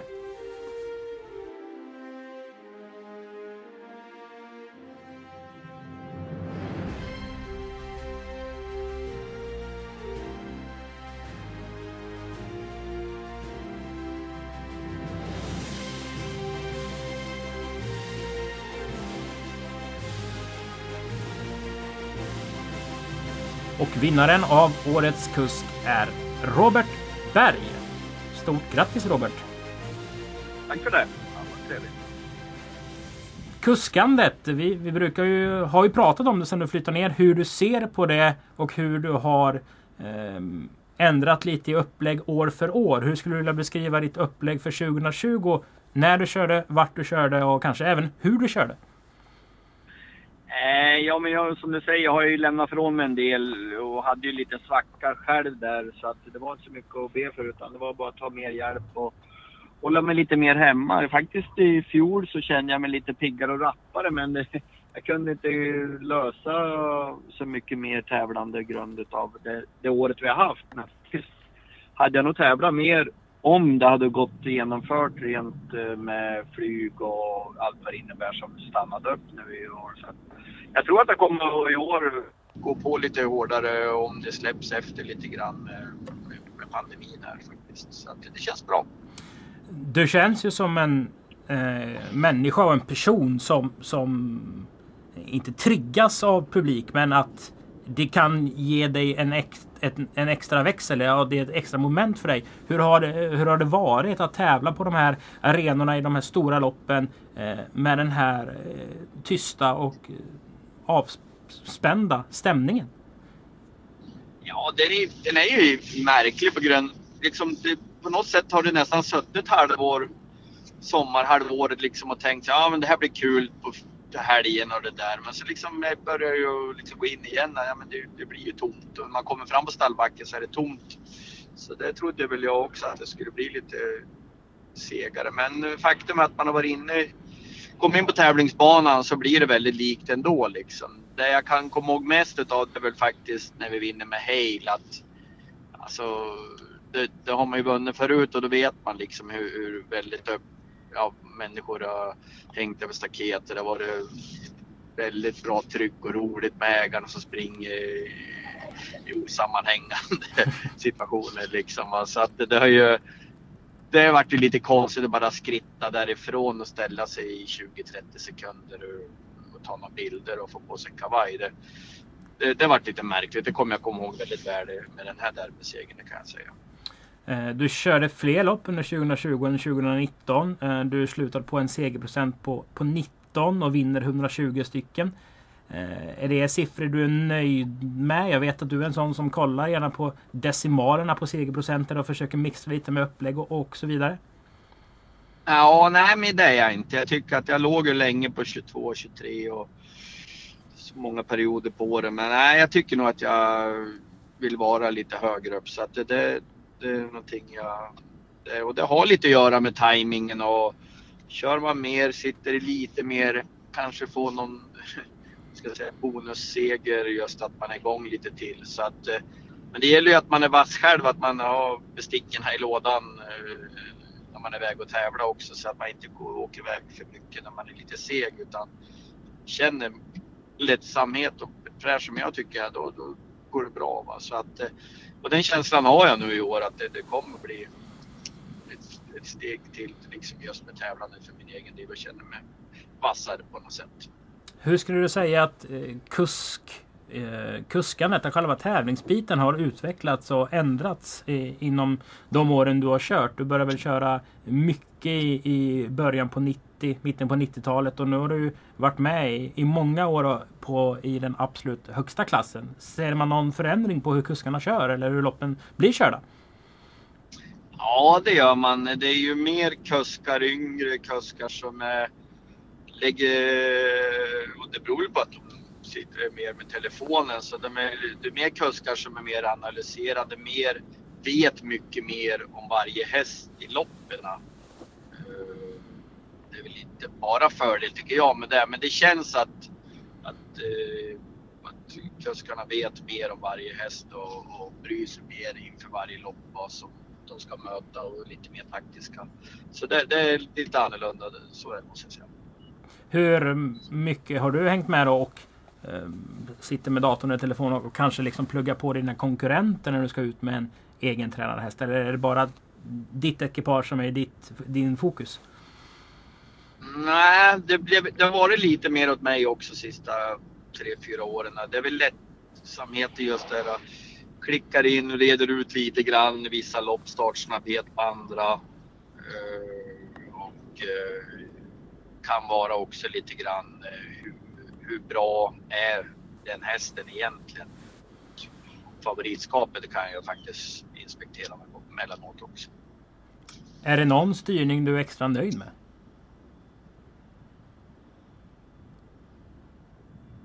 Mm. Ja, men egentligen kanske det ju, man tappar ju bort de andra, men jag tycker nog att derbysegern är eh Eh, bara analyserat och eh, vart väl som jag ville och, och fick en stor, stort frågetecken framför mig efter 500 meter vad jag skulle göra med den situationen också. Men eh, ja, fick Hale öppna bra som jag då tyckte bakom bilen och sådär. Så att det är väl nog derbysegern som vart en, han vart så okomplicerat som jag kunde göra faktiskt. Ett annat lopp som Eh, för många skulle vara det största är såklart Powers seger på Vincennes i Europaderbyt. Och för att vara Robert Berg så är det sällan vi ser i Sverige att det är tredje, fjärde invändigt och, och lite Örjan Kihlström lucka till slut och spurtar till seger. Eh, är du mer komplett som kusk än vad folk tror tycker du? Mm, jag vet inte hur folk, hur dåliga de tycker att jag är eller bra jag är ärligt talat. Jag har väl inte kanske lagt någon vikt på det eftersom jag inte är riktigt kusk. Eh, men jag är, känner mig inte lägre i rang mot någon annan kusk som jag möter. Eh, jag har inga problem att bemöta någon annans taktik och grejer. Sen tycker jag väl att Örjans kyla är väl lite, kan vara lite jobb ibland men samtidigt är det ju någonting jag fått kunna vunna på också att jag har varit lite åt andra hållet. Just mot han då i stora lopp så att nej, jag känner mig bekväm och jag, jag, eh, det är nog lite grann bara mer på mig själv att jag känner jag mig vass och, och, och inte något trötthet över ifall det på någon sån period då tycker jag att jag är med på noterna bra. Liksom. Så jag, jag, nej då, jag känner mig inte lägre, lägre i rang på banan än de jag möter. tycker jag. Och hur roligt är det eh, sammanfattningsvis att köra sina egna hästar i lopp fortfarande? Ja, men eh, jag tycker faktiskt det är riktigt kul igen. Eh, jag tycker alltid att det varit roligt att tävla med mina egna hästar, men jag tycker det är nivå till sista, sista åren smyger sig lite mer och mer fram. Men mer vill verkligen köra nästan varje lopp. Och, och jag gillar faktiskt att åka och tävla i Frankrike. Eh, så att det stör mig lite grann där också att det har varit så krångligt med alla tester och grejer att jag inte kan göra det lika frekvent som jag hade tänkt mig. Men, eh, men liksom det känns allmänt bra att jag vill liksom åka iväg och tävla typ januari, februari mycket i Frankrike. Och jag vill sätta igång med årsdebutanterna i mars och jäkligt eh, laddad inför det. Och jäkligt laddad inför de större loppen med de bättre hästarna. Så det, det, finns en väldigt skön, rolig motivation i mig som jag inte riktigt haft förutom de sista 8-10 månaderna kanske. Det låter ju verkligen lovande inför 2021. Eh, Robert, stort grattis till eh, priset som Årets kusk. Tack för det.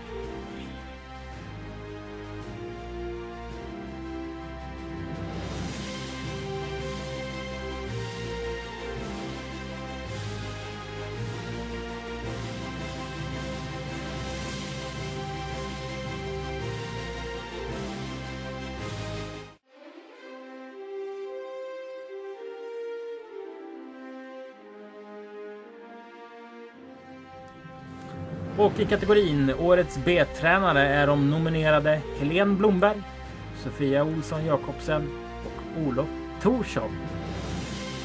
Tre stycken B-tränare eh, som är nominerade. Eh, sen har ju de eh, olika förutsättningar och det nya licenssystemet gör ju att man kan träna fler hästar som man inte, som man inte äger själv. För att hjälpa någon B-tränare om man liksom har en boxplats över men kanske inte har möjligheter att äga hästen själv eller eh, inte äga det, hela hästen eh, själv. Och det kan vi väl se att eh, Sofia Olsson Jakobsen eh, har några fler hästar i stallet. Hon har gjort 115 starter 2020, vann 14 stycken lopp och körde in över 760 000 till stallet. Ja, jag är imponerad av Sofia faktiskt. Hon, det är klart hon, hon driver kanske lite större och har lite fler hästar i träning. Eh, men väldigt bra resultat, bra segerprocent, kör in mycket pengar. Det är många proffstränare som skulle vara avundsjuka nästan på de siffrorna som hon har topp tre. Eh, och hon tar för sig och hon, nu vill hon ju gärna testa att vara med lite i V75 och sånt med sina hästar också. Så att, eh, nej, det, det, siffrorna för i år talar för sig själv tycker jag. Mycket, mycket bra. Olof Thorsson, han vann 7 av 79 lopp som tränare. Körde in eh, över 435 000 till eh, stallet. Eh, jämn och säker, kör ofta sina hästar i, i loppen själv. Vad har du att säga om Thorssons stall, Jon? Eh, siffrorna tycker jag väl är ett helt normalår för Olof. Det är ungefär eh, de siffrorna han brukar ligga på. Han brukar vara nära 10 segrar om året. Och, eh, som sagt, eh, det är väl inget jätte som sticker ut det här året men eh, som sagt han är stabil och där, det blir han nominerad på. Och en seger som jag tror eh, värmde lite extra i, i stall Torsson, Det var ju när Vilma Karlsson fick styra Olof Torssons Bubba Degato till seger under vår tävlingsdag den 23 juli. Vad då tänkte ni? Det var ju P21-loppet. Ja, men den gick 13.8 2180 meter. Vi pratar ju, eller i alla fall jag, pratar ju gärna om P21-loppets eh, förträfflighet och det tycker jag det bevisas lite här att eh, det krävs någonting av att vinna P21 och det gjorde Stall Torsson under 2020. Den sista som är nominerad det är ju Helene Blomberg som under 2020 tillsammans med sin eh, man Henrik dessutom tog kusklicens. Som man bara köra lopp men som tränare tog Helene åtta segrar på 23 starter. Det ger alltså en segerprocent på 35. Det är rätt så bra papper. Hon körde nästan in 400 000 eh, och har ju väldigt hög seger och platsprocent med sina hästar där Matteo var den lysande eh, stjärnan kan man säga. Hon har ju bara två. Men eh, och, ja. imponerande. Det är imponerande och det här är ju liksom Det, det här är ju riktigt om man säger amatör på det att man har bara en fåtal hästar som man jobbar med bredvid och tycker hon gör nästan varje år ser det likadant ut. Jättehög segerprocent och hon, de startar hästarna de är verkligen i ordning så det är fröjd att se. Eh, så att eh, när, när hon tävlar så då ska man ju ha hennes hästar med på kupongen helt enkelt. Eller som spelare alltid bevakta dem för de, de kommer aldrig ut med hästar som inte är i bra skick. Så att eh, därför blir det väldigt mycket segrar också. Jätteimponerad. Det är kul att se också Matteo som vi nämnde tidigare och även Time to Love. Bägge två är ju efter Love You More, Helena och Henriks fantastiska häst som var med i Storchampionatet som nu finns som avelsmärre och Love You More verkar lägga eh, hästar som vet vart mållinjen finns. Och det är ju kul när man kan följa med i sporten så och se eh, aveln gå, gå framåt. Årets B-tränare, de nominerade är alltså Helene Blomberg, Sofia Olsson Jakobsen och Olof Thorsson.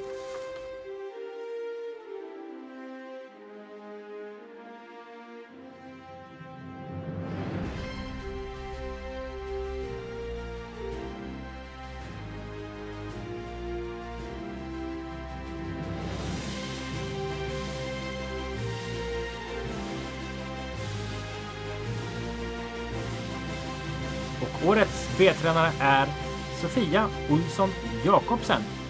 Stort grattis Sofia! Åh, tack så jättemycket! Shit alltså, vad, vilken grej! När vann du eh, den här titeln senast eller har du vunnit den någonsin? Eh, nej, jag har aldrig vunnit. Jag är väl den ständiga tvåan. så det här var ju underbart. Under ditt 2020 så tog det ju eh, verkligen fart. Ni gjorde fler starter, ni vann fler lopp och eh, körde in nästan 770 000 kronor. Och här finns det väl en, en förklaring med det här nya licenssystemet att du har tagit in lite hästar eh, åt andra och använt det här och, och har fler hästar i stallet eller är det någon annan anledning varför du har gjort så otroligt mycket fler starter än förra, förra året? Eh, ja, det är absolut. Sen så fick jag hem en hästägare som heter Håkan Edsberger och han eh, satsade fullt ut på mig och det är jag jättetacksam över. Och han hade ju häst hos eh, två, tre olika tränare som han satte i träning hos mig. Och, och de hästarna har utvecklat sig jättemycket. Och sen har jag ju köpt in mig på en del hästar av eh, en som heter Marco. Och då har jag, ja, det har blivit att man fått lite mer hästar och lite bättre hästar och då, och då är det ju lättare att vinna lopp helt enkelt. Är det någonting du har förändrat i själva träningskonceptet eller hur du jobbar med hästarna un- under föregående år? Mm, ja, jag har ju varit på besök hos lite olika proffstränare och bland annat Atle Hamre då har jag varit hos och jag tog väl efter lite av honom. Så i somras så blommade hästarna ut väldigt mycket efter jag gjorde som han gjorde typ. Nej men inte exakt men eh, jag tog lite små saker som jag tyckte var väldigt bra av, av honom och fick lite tips. Och, så det är väl där av framgången också. Kan du nämna något sånt där konkret tips som du tänkte aha han gör så, så ska jag också börja göra hemma? Nej, ingenting jag vill nämna. Det är yrkeshemligheter här alltså. Jajamän. Eh, som vanligt så är det ju många segrar. Du ligger nästan kring 10 lopp eh, årligen. I 2020 var det 14. Det var även som vanligt eh, Monté-segrar och du reser även en del till, till Norge. Och visst var det en Norge-historia som slutade väldigt bra. Hästen vann men du fick inte lämna hästbussen. Ja, det var ju det som var så. Jag fick reda på det tre timmar innan vi skulle åka. Så sa han det. Du Sofia, vi har ett problem. Ringde eh, han, Tore från eh, Norsk Travsport och så sa han till mig att eh, det var ett problem. Jag bara nej, hästen är i toppform. Säg inte att jag inte får lov att åka nu.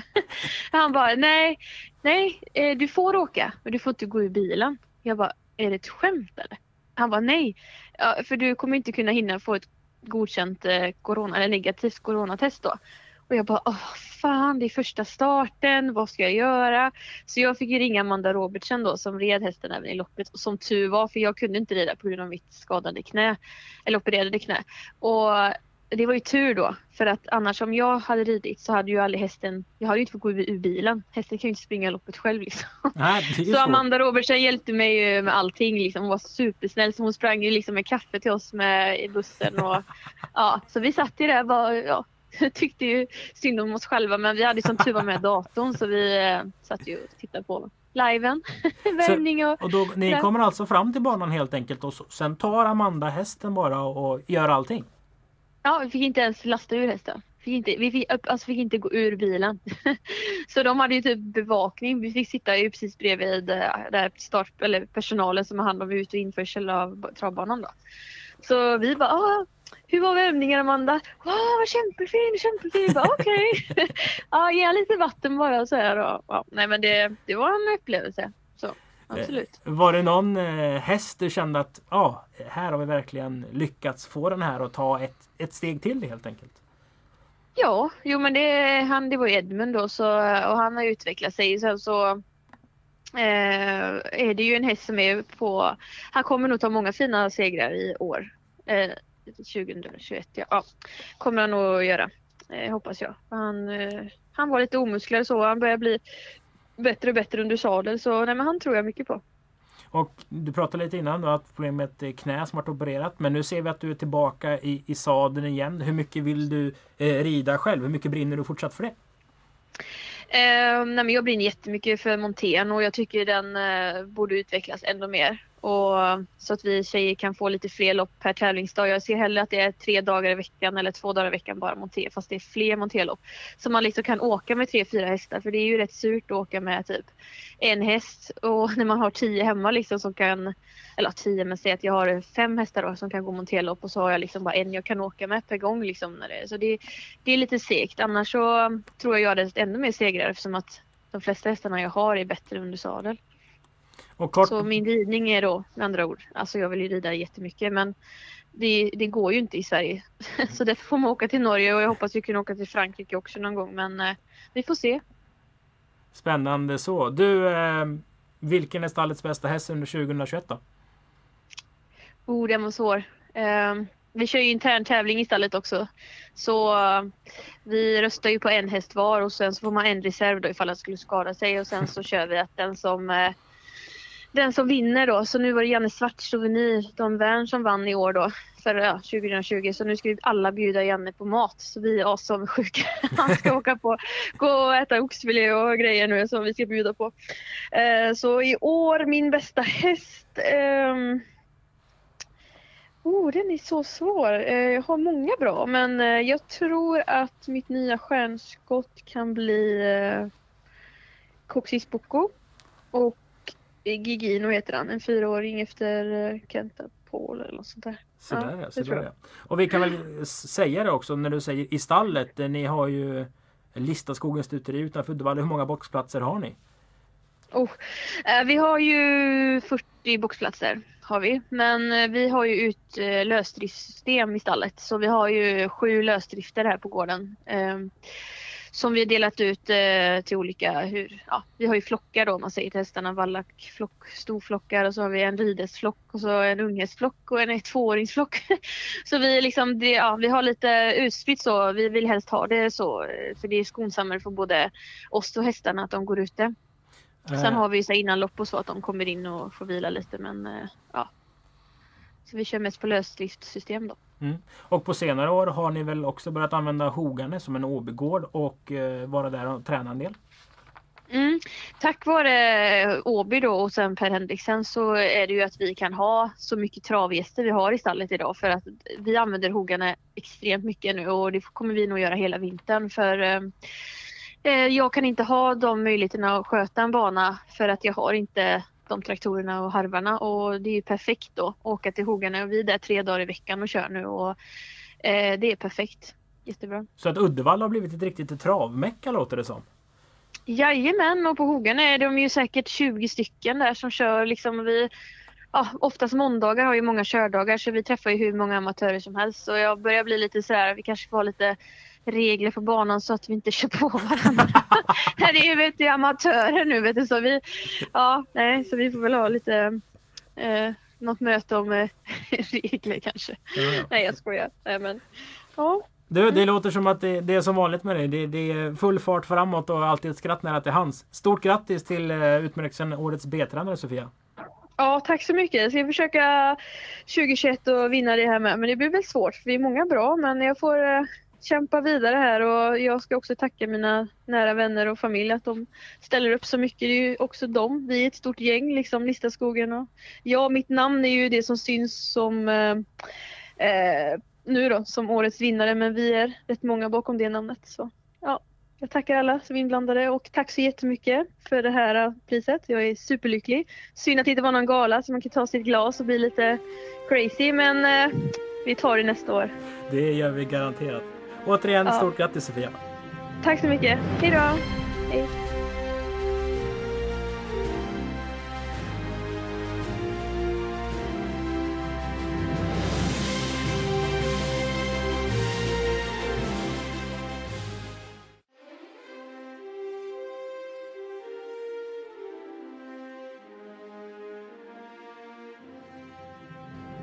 I kategorin Årets sto är de nominerade Indras Secret som ägs av eh, HB Stall CS i Nyköping. Kantens Rose som ägs av Thomas Blom med flera. Melby Harissa som ägs av Melby Gård AB. Ston Jon. Eh, vi ser det mer och mer att man har eh, försökt vikta mer prismedel till stona bland annat. Eh, det är ju inte att man viktar prismedel men man ser ofta Eh, ston högst 900 000, hingstar och vallacker 650. Att man vill att stona ska få mer av kakan. Hur tycker du de här propositionerna har eh, slått ut? Eh, jag vet ju, eller jag har en liten känsla på att man företräcker hellre att dra ut dem i bara i storlopp. Men vi vill ju gärna ha in de här lopperna också så att eh, ibland så kan det vara svårt att fylla en kategori med är det högst 900 eller en miljon så vet vi att det inte finns så många ston som är i den, i den proportionen. Och då väljer vi att kunna blanda in då. Och då har vi ju de senaste åren börjat eh, och skapat proportioner med fördelston där de står lite bättre in eh, till än hingstarna då. Också för att de ska kunna tjäna större och ta en större del av kakan. Och det, är ju, det har ju SD haft som strategi och det har man ju lyckats rätt bra med för de tar större och större del av kakan för varje år. Så att eh, Jag tycker det är rätt också att man ska göra. Vi, vi på Åby har ju varit lite föregångare där också. Men att vi var väl en av dem som har ett eh, typ våra insatslopp i Drottning Silvia och Konung Gustaf Vs pokal. Där kör vi om lika pengar till båda kategorierna. Så det, där, där är det ingen diskrimination i alla fall på vilket kön de är. Och det tror jag är, är bra. Men jag tycker också att de jag har inte undvikit att bara köra eh, fördelopp. Jag vill också ha storlopparna för jag tycker storna ska kunna tävla mot storna också. Mm. Och storna som är nominerade hörde ni tidigare. Om vi börjar med Kantens Rose som ägs av ett gäng i eh, natursköna Åsens bruk. Det ligger eh, 8 km nordväst om Mellerud. Besök det placet om ni har vägarna förbi. Det finns en träkyrkan i närheten som jag tror är Sveriges äldsta. Eh, men inte, det är inte kyrkan vi ska prata om. Vi ska prata om Kantens Rose. Vann 7 av 12 i regi Robert Berg. Tjänade över 400 000 kronor och vann bland annat på V75. Vad är ditt intryck av Kantens Rose Jon? Ja, hon har ju fem år och eh, gjorde det enormt bra tycker jag. Att vinna sju lopp på en säsong, det, bara det säger ju lite. Eh, och eh, ja, det, Hon har haft ett... Eh, det är ju inte någon sån häst som jag känner som att det är eh, radat upp segern kanske på V75 och sådär. Men hon har alltid varit med och hon... Eh, hon har vunnit många lopp och det, det är imponerande tycker jag alltså. Hon stod med ett staket, alltså fem raka segrar inför starten på Åby den 5 december. Melby Harissa, hon var eh, fyra år gammal under 2020 och fyraåringssäsongen inbringande eh, fem segrar på 13 starter och över 770 000 intjänat i, i kanske tuffast möjliga konkurrens bland årgångsfinaler och dylikt.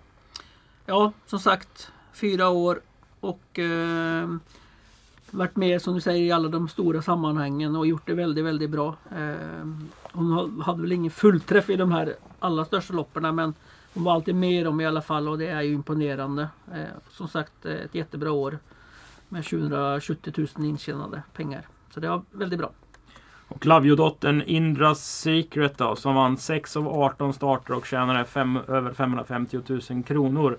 Eh, här har vi Lavio plus Robert Berg igen.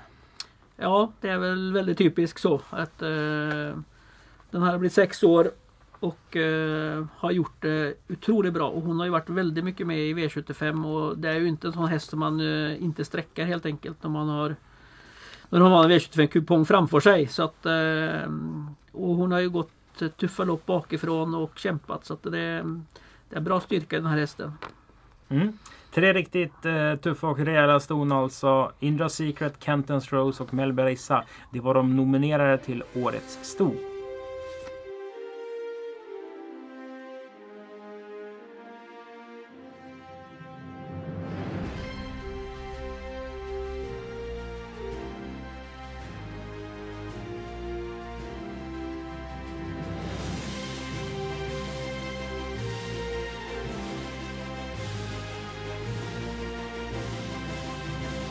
Priset till Årets sto går till Indras Secret. Som ägs av Stall CS i Nyköping. Robert Berg tränar hästen och på telefon så har vi Conny Holmström. Stort grattis! Tackar, tackar! Conny, berätta lite om Indras Secret 2020. Ja, det har varit ett äh, jätteroligt år. Hon har vunnit några fina lopp. En på V75 haft eh, lite trassligt med skador en period men eh, kommer starkt tillbaka. Så att eh, ja, vi är jättenöjda. Det här är en häst som ni har fått upp själva. Berätta lite om, om vägen till den här miljonen som hon har tjänat nu. Ja, hon eh, vi följa upp henne själva då, som sagt och hon har stått i Karlstad då som ny, nytt föl. Och sen har flyttat henne då till Svante Båt i början. Som eh, har tränat upp en bra grund hos henne. Vunnit några lopp i början. Eh, fick lite trassligt en period och eh, då valde vi att prova hos Robert Berg och han har verkligen hittat rätt nyckel för att få bra fart på henne. Så att vi är jättenöjda med det och hoppas på en bra fortsättning också. Hur är det att följa loppen som Indra Secret gör? Det här är en stenhård mär Eh, som gillar den långa distansen, har styrkan som sitt främsta vapen. Så det är ju sällan att man sitter i tredje invändigt och hoppas på lucka utan det måste vara hög puls konstant under loppen när hon sluggar sig fram där ute i spåren. Jo då, det är bra, bra fart på pumpen när hon sätter fart och eh, hon får ju verkligen visa vad hon går för. Eh, det är inga lätta lopp direkt utan hon får verkligen göra jobbet och det gör hon ju kanonbra riktigt stark och bra vinnarskalle. Jätteroligt. Hur föddes ditt eh, intresse för, för sporten Conny? Ja, det var en medarbetare på jobbet som har haft travhästar och jag, hade ingen bra koll alls. Så han eh, lurade in mig att köpa en häst i början. Men eh, det ångrar jag inte. Det har varit eh, fantastiskt roligt. Så att det blir några fler efter det. Nu står Indras på nästan 1,1 miljoner intjänat. Vad tror du hon kan visa på banan under 2021? Jag tror att får hon hålla sig fräsch och frisk så finns bra möjligheter för att hon ska kunna eh, springa in några fina vinstsummor. Så att eh, lyckas hon ta ner eh, 2020 så är vi väldigt nöjda. Har det någon gång varit tal om en eventuell Frankrike-start för den här hästen? Det känns som hennes egenskaper hade funkat bra där nere. Ja, det var ju tänkt så. Hon var ju på väg ner när hon råkade ut för en liten eh, skada, tyvärr, precis innan nedfarten. Så att eh, hon fick vila några veckor innan hon kan vara på benen igen. Så vi får hoppas på att det blir ett nytt försök nästa år. Vi ser verkligen fram emot detta. Stort grattis eh, Conny till utmärkelsen som Indra Secret får som Årets sto på Åbytravet 2020. Tusen tack! Tack ska du ha!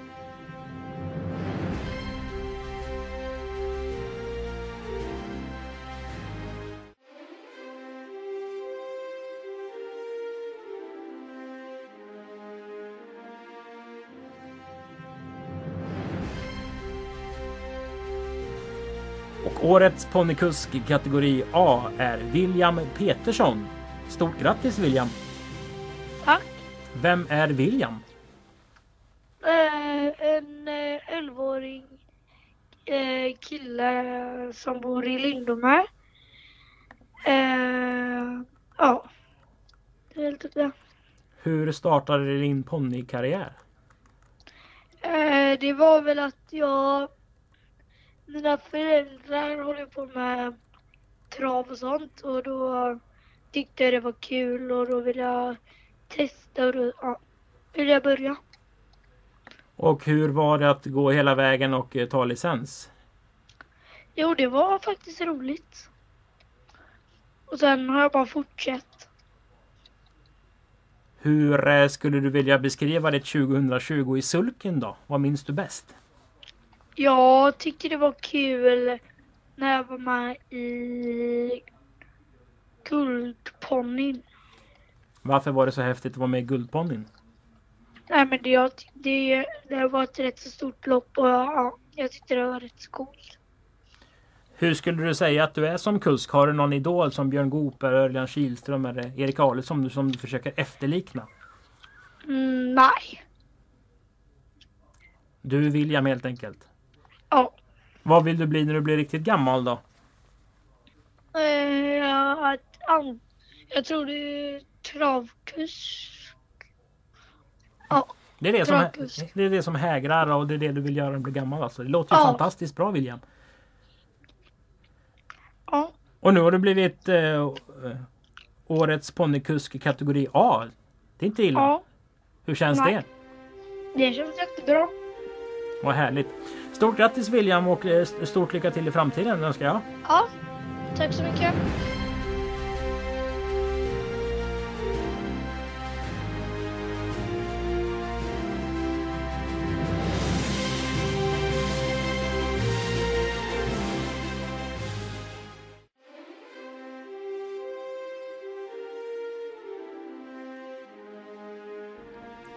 Och årets uppfödare är Holger Gustafsson och Jörgen Sjunnesson. Och den här duon som bland annat har fått upp Hail Mary eh, representeras eh, här och nu av Marianne Nilsson som är Holgers dotter. Stort grattis till detta Marianne! Tack så mycket! Du är ju uppvuxen med en travtokig pappa minst sagt som både ägt hästar, fött upp hästar och varit mycket på Åby. Hur stort är det ändå att ha eh, fött upp en derbyvinnare? Men det har varit jätteroligt. Vi har ju försökt följa han eh, eh, alla, alla hans, hans lopp eh, som treåring och, och eh, Robert Berg har verkligen matchat han jättebra tycker jag. Eh, och sen har vi varit med, vi var nere på derbyt var vi. Eh, vi hade planer att åka upp till eh, när det var Breeders Crown, nej, jo Breeders. Eh, eller det är hans, eh, ja. Mm. Ja, det är på Sundbyholm i alla fall. Ja, just det, men det blev inte. Det var lite, det var så mycket corona så det, det gick inte riktigt. Det är ju ett sådant år och det är därför jag gör Ja. den här eh, intervjun via telefon istället för att ta upp det på en stor scen inför massa glada människor. Hur blev det sig att ni började jobba ihop med, med Jörgen Sjunnesson då, som en välkänd travkusk men även jobba med avel? Det var ju pappa själv som tog kon- kontakt med Jörgen och de började på liten skala där. Så nu, nu har de ett antal stycken eh, ston ihop. Jag tror de, de har fått sin första fölunge för i år faktiskt. Med eh, ett stort från USA, Blue Magic och eh, den fölungen är efter Warner tror jag det var. Så där ja. Så att, eh, spännande. Och ute på Tjörn så eh, är det väl um, hästar Ja. på gång också. Och eh, Jajamän. verksamheten bedrivs fortfarande. Och det är väl du som gör mycket av, av jobbet. För Holger har väl en, en relativt hög ålder för att skotta boxar och slå på tappskor. Absolut, det är jag och mamma och eh, min dotter och min syster och några till som är där. Men i år blir det åtta stycken som ska föla om allt går som det ska. Och hur eh, högt small det här då på, på Tjörn? Som ändå är lite alla känner alla. Finns ett rätt fint travintresse ute på ön att, att Holger hade fått upp derbyvinnaren då? Det kan vara en snackis på ICA nära i Rönning tänker jag. Ja. jo visst har det varit eh, lite eh, småprat om det. Att nu har Holger vunnit pengar. är det så det låter? Ja, vi är på Tjörn, tänk på det. Hur firade ni, ni eh, derbysegern? Ni var på plats alltså och firade segern? Ja, jag och Lotta, eller min syster Ann-Kristin, vi var, vi var nere på, eh, på hotellet där, där, där de hade det. Vi fick ju inte vara på banan men, men det var jätteroligt, det var jätteskoj. Vi satt precis bakom de här ägarna. Och då fick ni njuta av deras injobbning från första parkett då? Jajamensan. Har ni några drömmar nu inför hans femåringssäsong? Det snackas ju både i Elitlopp och det kan vara en häst för Prix d'Amérique 2022 och sånt där. Är det någonting ni drömmer om där hemma på Tjörn? När vi pratade ju lite grann om det att eh, om man nu får fortsätta vara frisk och eh, ja. Det är ju jättehäftigt. Det är ju jätteroligt. Ja, det förstår jag. Ja, Eh, vi säger stort grattis Marianne och så får du hälsa mamma och pappa så gott och tacka för eh, en fantastiskt fin häst och även för lång och trogen tjänst. Ägde han sin första traves på, på 60 eller 70-talet? tänkte säga. Han köpt, när jag föddes 67 då köpte han sin första häst. Och hur gammal är du nu? Ja, jag blir ju f- 54. Ja. Åren går fort när man har roligt och det har man ju med travhästar. Ja, det har man. Verkligen. Stort grattis Marianne och hälsa alla kring, eh, kring eh, hästen och familjen där som, som hjälper till där hemma. Ja, ska jag göra. Tack så mycket själv.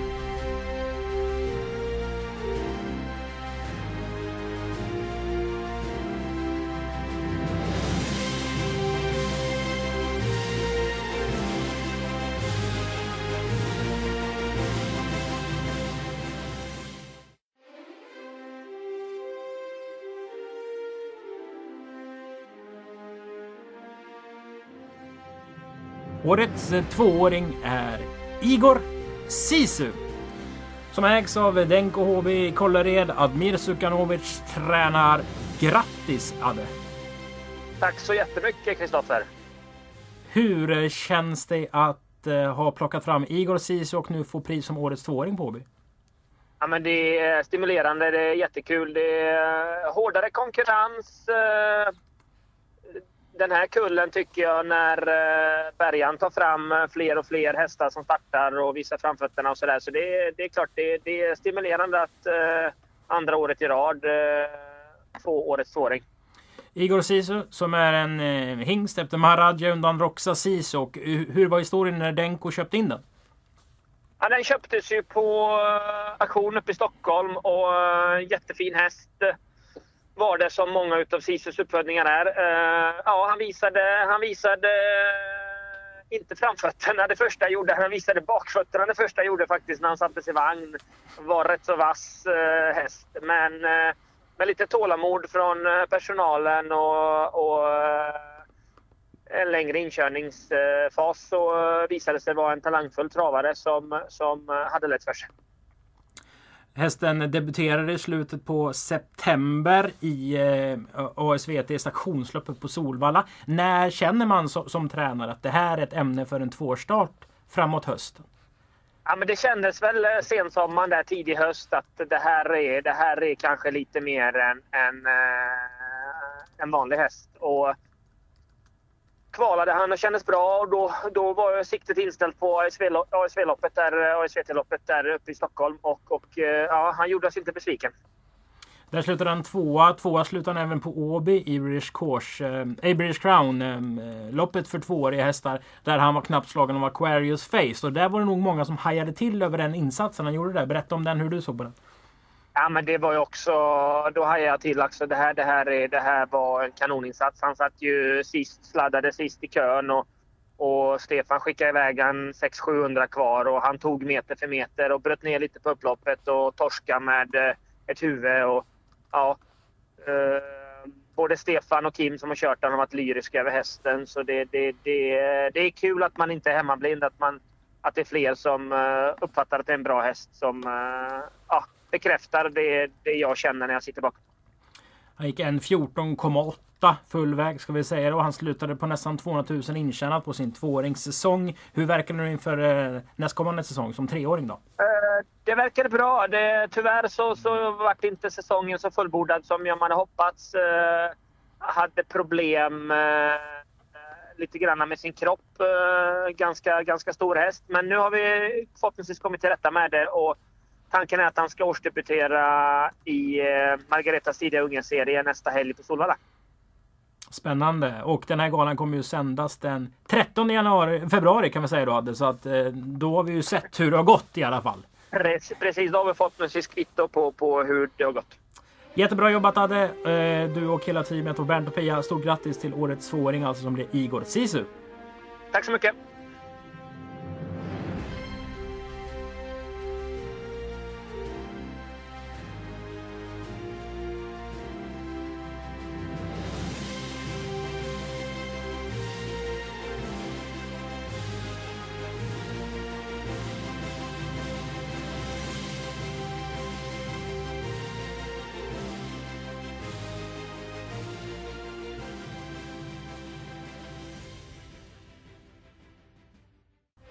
Nu har vi kommit fram till ett litet specialpris. Det är nämligen så att vi ska tillkännagiva vem som har vunnit Åby Damklubbs armband. Det här vackra armbandet som år efter år har plockat fram tvåbenta profiler ur publiken och de har blivit hyllade för deras gärningar både på och utanför banan. Motiveringen till 2020 års pristagare eh, lyder Åby Damklubbs armband går i år till Ina Au för stor hängivenhet inom både monté och trav. Det var fina resultat under 2020 men drygt 1,3 miljoner i inkörda och inridna pengar. Vi vill med detta pris uppmuntra till fortsatt utveckling inom sporten. Stort grattis till detta säger vi till Ina Au. Tack så mycket. Hur låter det när man hör de här orden? Eh, jag blev lite chockad nu när du ringer faktiskt. Att jag hade ingen tanke på det. Att det är jätteroligt. Om vi kollar i backspegeln på ditt 2020. Du eh, rider och kör in, eh, ja, det ökar nästan med, med en halv miljon. Eh, vinner 19 lopp på 124 starter. Eh, beskriv ditt år. Jo, men jag är nöjd att det är klart att man kan se det på lite olika sätt. Att det förlorat många lopp också, men jag har vunnit några lopp också. Att det, det är roligt att man har fått chansen att rida så fina hästar. Jag är helt, helt nöjd med resultaten. Hur har det varit eh, att tävla under eh, 2020 utan publik för er ryttare och du har ridit under eh, stora helger där det vanligtvis är fullt med folk och du har varit lite mindre folk eh, minst sagt. Ja precis, att det är klart att man saknar publiken nu, det gör man. Att det, det är lite, man gör ju ingen, ingen segerdefilering längre heller. Att det, det, blir att man rider ut tillsammans med de andra. Att det, det, är klart att den känslan har ju försvunnit lite. Att jag hoppas verkligen att det kommer tillbaka. Och det, det var ganska påtagligt där när det var storchampionatshelg förra året och jag fick, jag fick äran att vinna med Galactica. Och det, där saknade man verkligen den stora publiken som är runt hela banan normalt sett. Att det, det, det saknar man verkligen. Är just eh, ritten med Galactica ett av de starkaste minnena från 2020? Ja, det var absolut en av de enklaste segrarna i alla fall. Att jag hade alla krafter kvar i mål. Att det var en häftig känsla. Men det, det är svårt att välja vilken som är den man minns mest. Men det är absolut en av dem. Du är ju rutinerad nu och har varit med i flera år och gjort det fantastiskt bra i många år också. Hur ser du på eh, utvecklingen inom montersporten? Nu känns det som att konkurrensen blir eh, där uppe i toppen blir nästan hårdare och hårdare och ryttarna och ryttarinnorna blir ännu bättre än vad de var tidigare. Hur ser du på det? Jo, men det är roligt absolut som du säger att eh, sporten utvecklas hela tiden. Att det är väl lite små regeländringar som man fortfarande kanske önskar att man skulle kunna ändra på så att det blir lite likvärdigt från bana till bana. Men det, det är ju väldigt stor utveckling, utveckling om man kollar över tio år att det är väldigt stor skillnad. Då. Skulle du själv säga att du tillhör eh, topp fem i Sverige som ryttare?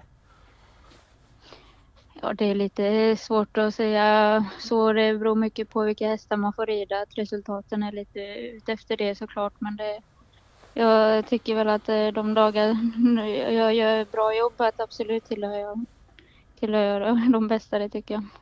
Och eh, sakta men säkert så har du också etablerat dig och utvecklat dina färdigheter inom sulkin. Hur, hur roligt är det att köra lopp emellanåt och, liksom och, och bryta av lite mot montén? Mm, jo men det är kul och faktiskt eh, 2020 så re- körde jag fler lopp än vad jag red och det hade jag ingen koll på själv men det kollade jag upp nu efteråt att det, det säger ju ganska mycket om att det har blivit mer. Ser du dig själv då som en ryttare eller en kusk då? Nej, jag ser mig fortfarande kanske mer som en ryttare. Att det, ibland kanske det till och med ser ut som jag rider när jag kör. Men eh, nej, jag tycker det är kul att göra lite både och. Och framförallt när man åker, att man åker fler än bara en häst. Så det gör ju också lite skillnad.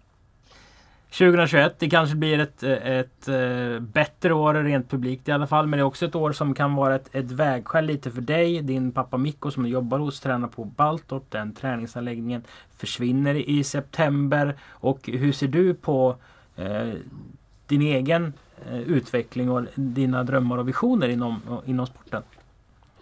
Ja, det är som du säger att detta året kommer ju ge många svar att just nu vet vi inte riktigt vart vi ska ta vägen härifrån efter Valltorp. Att det, vi vet ingenting helt enkelt vad som ska hända. Att det, det kommer ju också eh, lösa en hel del för mig att vart jag tar vägen. Har du ridit din drömhäst inom monté nu? Nej, inte än tror jag. Det, det, det är framtiden kanske kommer.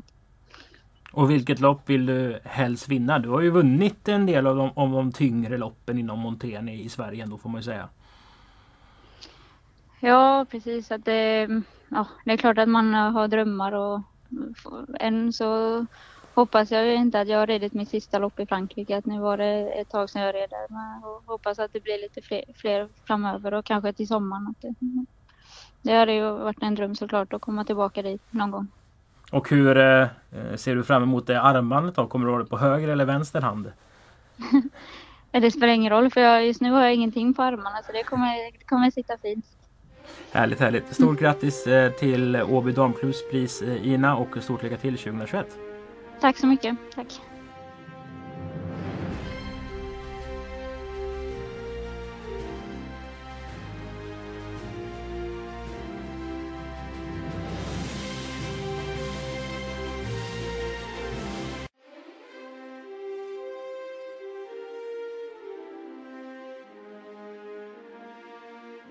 Nu är vi framme i kategorin Årets hästskötare. Och de nominerade är eh, Charlotte Andersson som jobbar hos Robert Berg, My Hedberg som jobbar hos Robert Berg och Jessica Hultman som jobbar hos André Eklund. Hästskötarna Jon som eh, under 2020 verkligen fick eh, Ja, det är ju de som utgör egentligen basen för att vi har kunnat klara att Eh, fortsätta köra tävlingar och jobba efter Folkhälsomyndighetens direktiv. Och från min position har jag blivit väldigt imponerad över disciplinen som har funnits i stallarna och eh, ambitionen alla har haft och förstått allvar till det här så pass tidigt. Hur har du reflekterat kring det här? Eh, på samma sätt som du har gjort. Eh, alla har faktiskt tagit sitt ansvar på plats hela tiden eh, och eh, verkligen tagit det på det, det allvaret som det krävs också. Så att ehm, det är ju, har ju alla de aktiva som, som har kommit till Åby och till alla andra banor som jag vet. För det, jag, jag har inte hört ett enda problem på någon bana. Så att det, där har ju vi varit föregångare allihop. Och eh, hästskötarna absolut. De är ju de som sitter i sina stora transporter eller små transporter och åker med överallt. Och det är väl de som besöker oss mest också. Så att, eh, nej, det, det, det ska de ju ha stort tack för allihop. Och speciellt hästskötarna såklart. Och det här är ju tre stycken tjejer som har varit med ett tag men man ser ju också i resultatlistan att deras hästar eh, Är det så att en hästskötare kan göra en häst bättre du som gammal travtränare? Ja absolut. Eh, Det är ju inte bara en tränare och en hästskötare. Det, liksom det där är ju ett, ett teamwork rakt igenom. Och eh, eh, en duktig hästskötare och en rutinerad hästskötare så kan ju göra verkligen eh, stor nytta. Det kan ju vara så att de ska åka iväg själva och vara borta lång tid eller så här. Så att de, vi har haft nominerade i år också, det speglar lite grann övriga nomineringar som vi har också. Det lyser ju igenom lite grann kanske. Men som sagt, det här är ju en kategori som vi har alltid svårt att välja för att vad är en god hästskötare? Det kan hända att det är en hästskötare som inte har den enda passes som har vunnit ett enda lopp egentligen och den kan vara så himla duktig och bra på sitt jobb i alla fall då. Men som sagt det brukar ju alltid, eh, när vi tar den kategorin så brukar det spegla lite grann vad som har hänt under året. Eh, och de nomineringar den övriga eh, klasserna då. Men jag tycker all, alla hästskötare ska verkligen hedras för det jobbet de gör. Så är det verkligen. Vi kan ju nämna några av framgångarna. Charlotta Andersson hade ju Eh, derbyseger med eh, Hail Mary som även vann British Crown. My Hedberg eh, sköt ju Vikens High Yield som verkligen tog för sig under 2020. Dessutom Power som vann Europa-derbyt. Och Jessica Hultman som hade framgångar med Ankel Töll som vann försök och final på V75. Och dessutom eh, hade fina framgångar med Gobi Princess som kvalar in till drottning Silvias pokal. Så tre stycken hårt arbetande och jätteduktiga tjejer. Men eh, från Åbys sida, stort tack till alla hästskötare. Kanske mer än någonsin under 2020 för att ni har gjort eh, det möjligt för oss att kunna tävla. Absolut. Eh, en liten anekdot då till de här, de här nomineringslistorna som har varit ute någon vecka här nu. När den, den det kommer ut så är det ju också så här att eh, jag läser någon dag på de sociala medier. Åh gud, men det där är ju den bästa hästskötaren i världen såklart. då, då ser man vilken klass det är på den och andra hästskötare tycker också att de här hästskötarna är eh, topp alltså. Så att det, det är ju ändå lite kul. Mm. Så årets hästskötare, de nominerade är alltså Charlotte Andersson, My Hedberg och Jessica Hultman.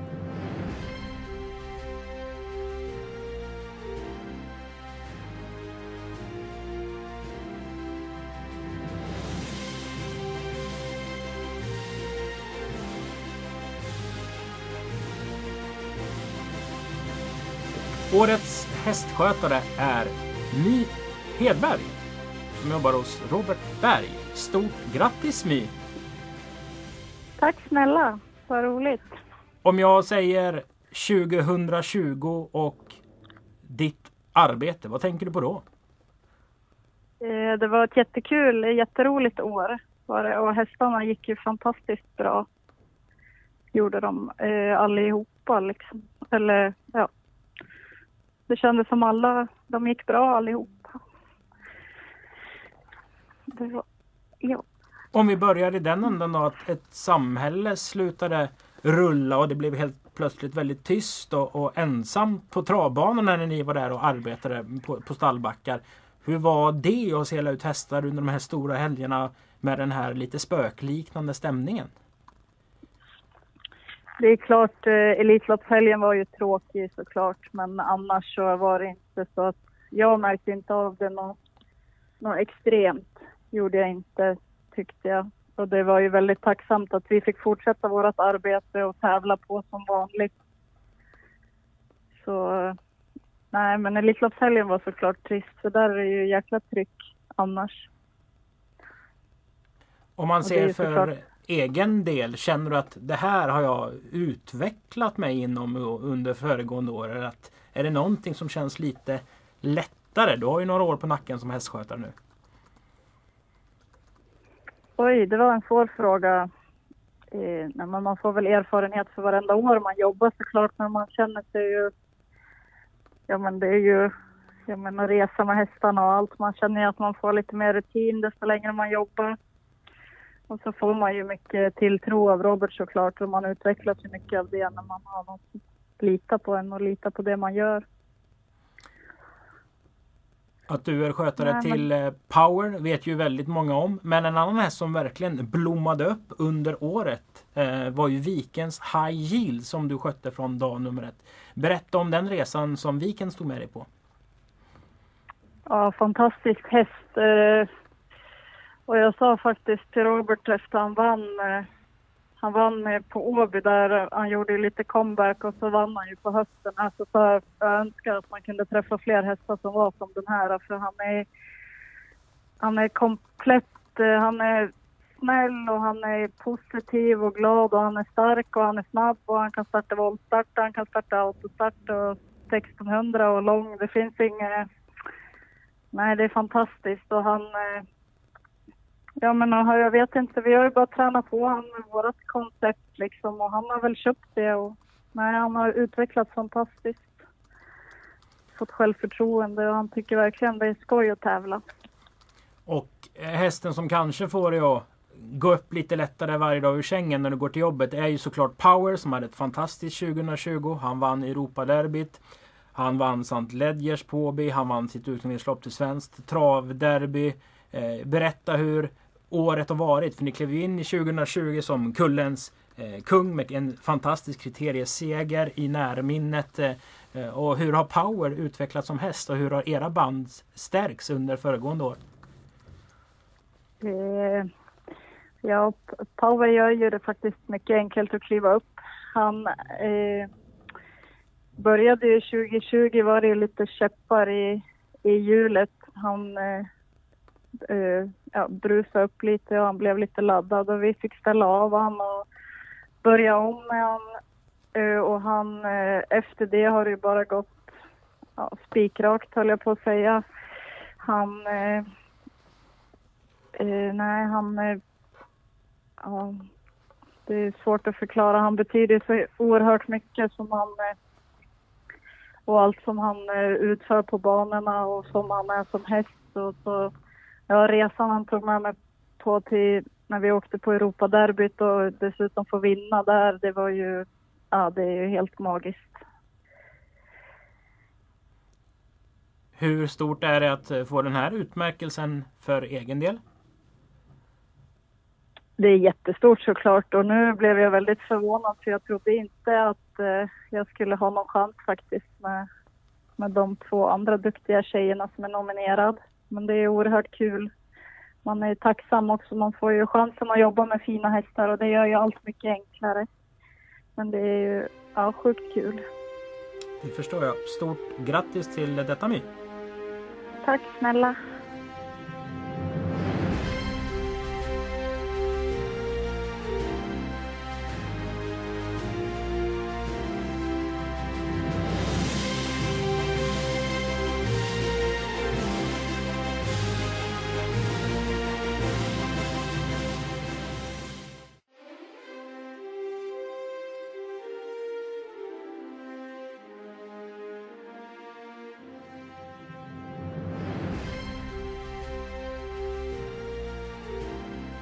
Årets ponnykusk kategori B är Paula Kristensson.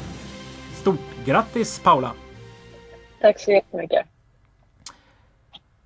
Vad minns du bäst från 2020?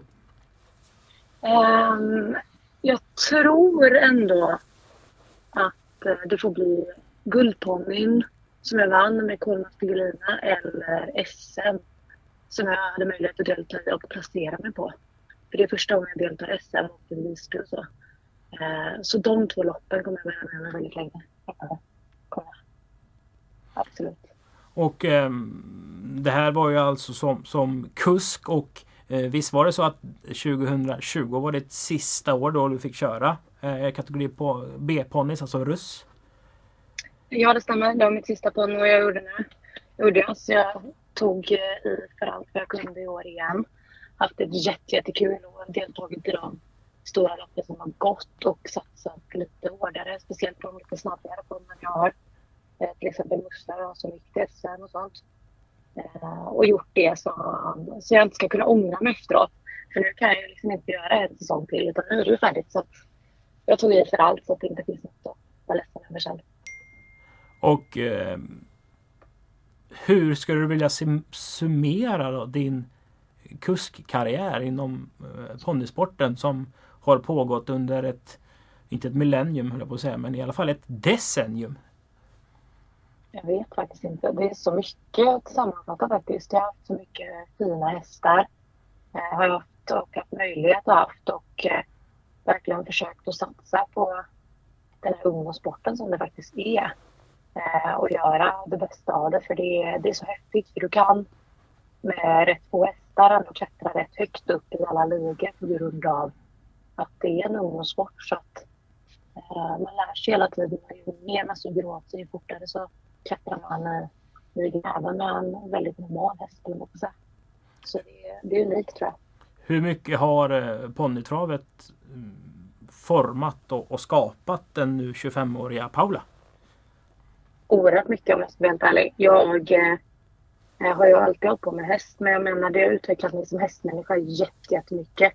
Eh, och lett mig in på kunskap och vägar som jag aldrig tro, tror eller trott att jag skulle komma in på. Och eh, det är helt fantastiskt faktiskt hur mycket kunskap det ger en. Även som person och individ så ger den väldigt mycket om personlig utveckling och inställning och man förstår liksom hur viktigt det är med, med sin egen inställning också. Så jättemycket mig. Kommer du sakna eh, kuskandet bakom eh, dina hästar och andras hästar också? Och eh, hur ser du på att ta licens för eh, storhäst? Jag kommer sakna att köra mina hästar oerhört mycket. Speciellt att köra sina egentränade hästar har varit någonting som det har gått oerhört bra för jag jag tycker själv att jag har liksom, då kan man liksom finslipa de här knapparna som jag inte kan göra när jag uppåt med andras hästar. Det är jättehäftigt att göra också, att få chansen. Att få köra sina egna hästar i lopp är något helt magiskt. Är det. Eh, och kunna, man vet exakt vad de har att ge och hur mycket de har att ge.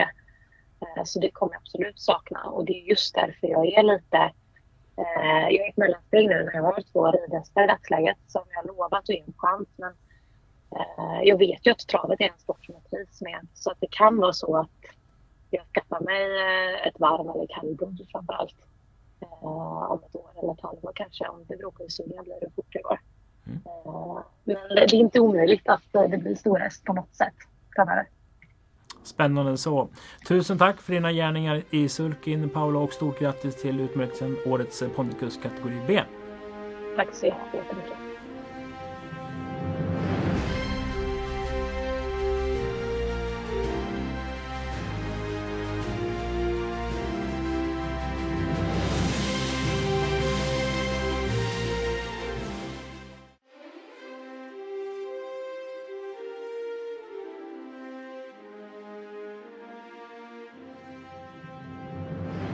Årets proffstränare. De nominerade så är det ju Mikko Aho, Robert Berg och André Eklund. När vi pratar om årets proffstränare så hör man ju alltid den här devisen att det är ett eh, nytt år. Man ska nollställa sina siffror och, och alla vill ju förbättra dem. Jon, har du något nyårslöfte? Ja, det ska gå ner 20 kilo i alla fall. Det är mitt mål och träna mycket mer så man får lite så man klarar hälsan på ett bättre sätt. Det är, väl- det är väl det jag har sagt till mig själv i alla fall. Hur många gånger har du haft det löftet? Eh, några gånger men jag har faktiskt eh, inte haft så bra start på det i alla fall. Härligt och eh, de här vi ska prata om de hade ju en bra start och ett bra år generellt. Om vi börjar med eh, att läsa upp de nominerade så är det ju Mikko Aho, Robert Berg och André Eklund. Om vi börjar med Mikko som eh, tar hem 18 stycken lopp till stallet. Det kör in över 1,4 miljoner kronor. Eh, vad säger du om Mikko Aos utveckling som proffstränare? Jo? Jo, men jag har jag tyckt eh, liksom hela tiden att han, han har inte haft världens största material och han gör det ju bra med hästar. Han får bättre än nästan alla hästar han får i träning. Och jag vet att han är så noggrann med sitt sätt att träna på med, med pulsmätare och sånt där. Så att han, eh, han imponerar på mig absolut eh, och skulle kanske behöva haft eh, ett större stall. Han har eh, ökat sina eh, antal hästar i träning så det, är väldigt, väldigt positivt. Eh, och, ja, han gjorde det bra under fjolåret och så att, nej, det, det, ser bra ut. Jag tror det kommer bli mycket bra i framtiden också. Om vi går till nästa man eh, som är Robert Berg. Ja, det är ju som sagt eh, han är den som vinner mest lopp i Sverige. Eh, såklart vinner du mest lopp i Sverige så är det ju given här såklart. Och eh, vunnit över 240 lopp förra året. Och segerprocenten är ju också hög i det här sammanhanget, nästan 18 procent. Och 32 miljoner insprunget. Det det jag tror inte rekordår för, för Robert men eh, nära i alla fall. Som sagt, och sen så finns ju alla de stora loppen han har vunnit under året. Så att, eh, ett fantastiskt bra år för Robert. Och han är även den tränaren som vinner flest lopp på Åby. Och, och eh, Åbyåret 2020 var ju lite annorlunda. kom väldigt mycket tillresande utländska gäster som skärpte konkurrensen ännu mer. Ja, konkurrensen på Åby är jättetuff alltså. Det, det, det vet vi. Och, eh, nu blir ju Robert tränarchampion där och eh, han förlorade väl kusktiteln här då till Peter Untersteiner där men han är, det, det, är ändå krig in på mållinjen där så att eh, det är imponerande alltså. Det är det. Och eh, den tredje nominerade i kategorin Årets tränare är André Eklund. Som vann 47 lopp som eh, tränare och eh, körde in över 3,6 miljoner. Och det var ju all time high. Eh, så det smäller om det för stallet, verkligen. Ja, och jag blir inte imponerad att 2021 kommer att bli ännu bättre år. Inte eh, imponerad? Jo, jag kommer att bli imponerad. Liksom, tvärtom alltså. Jag, jag, blir inte förvånad kan man säga då, om att 2021 blir ett mycket bättre år. För att jag, jag tror han har ett eh, ännu starkare stall under 21. 2020 har, gjorde han ju som sagt vanligt fantastiskt bra siffror. Han har ju klivit in som den säkra tvåan i vår efter Robert Berg eh, de här sista åren. Och jag tror de befäster sin situation, eller Eh, plats där i lång tid framöver. Bland lite större segrar så kan vi ju nämna Ankel Tölds eh, V75 finalvinst från utvändigt ledaren och även då Limit Lamas seger i eh, sommartravets Monté-final. De nominerar alltså till årets tränare är Mikko Au, Robert Berg och André Eklund.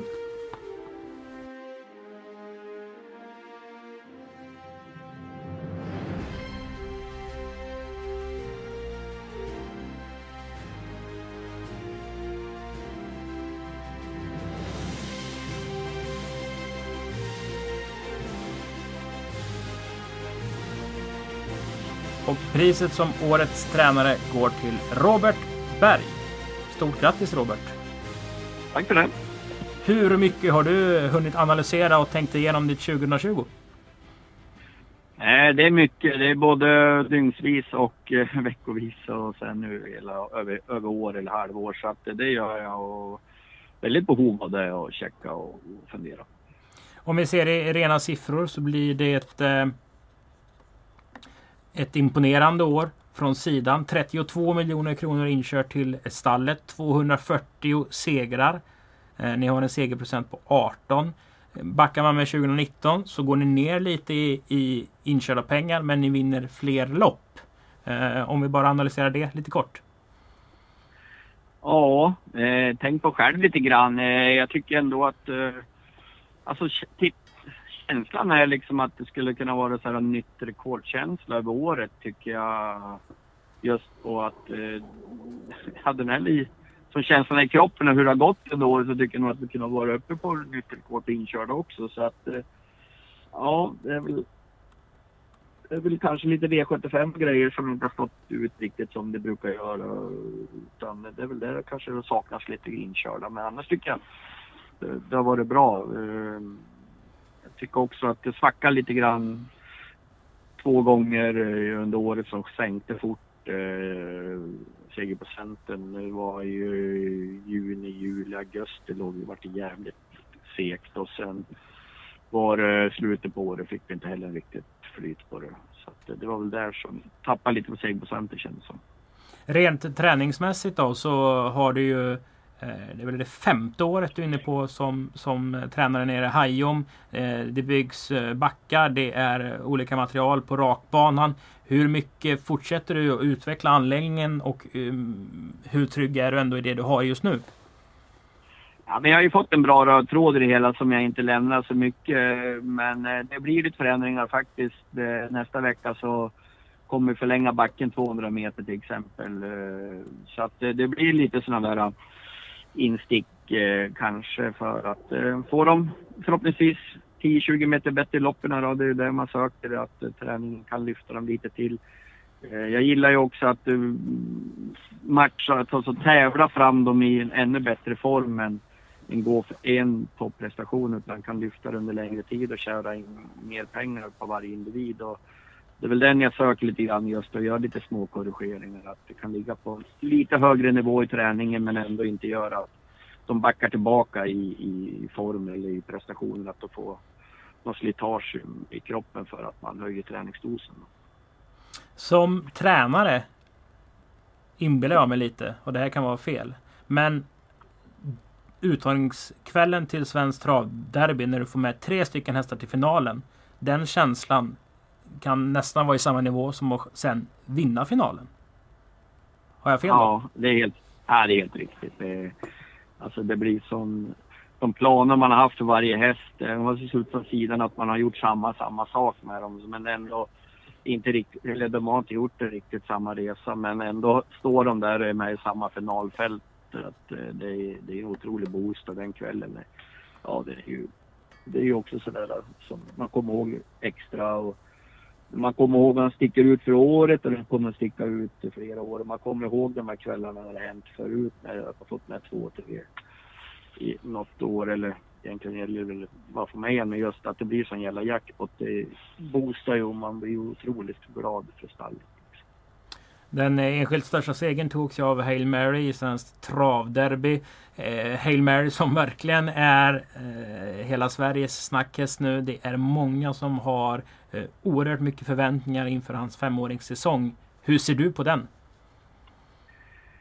Eh, ja, den...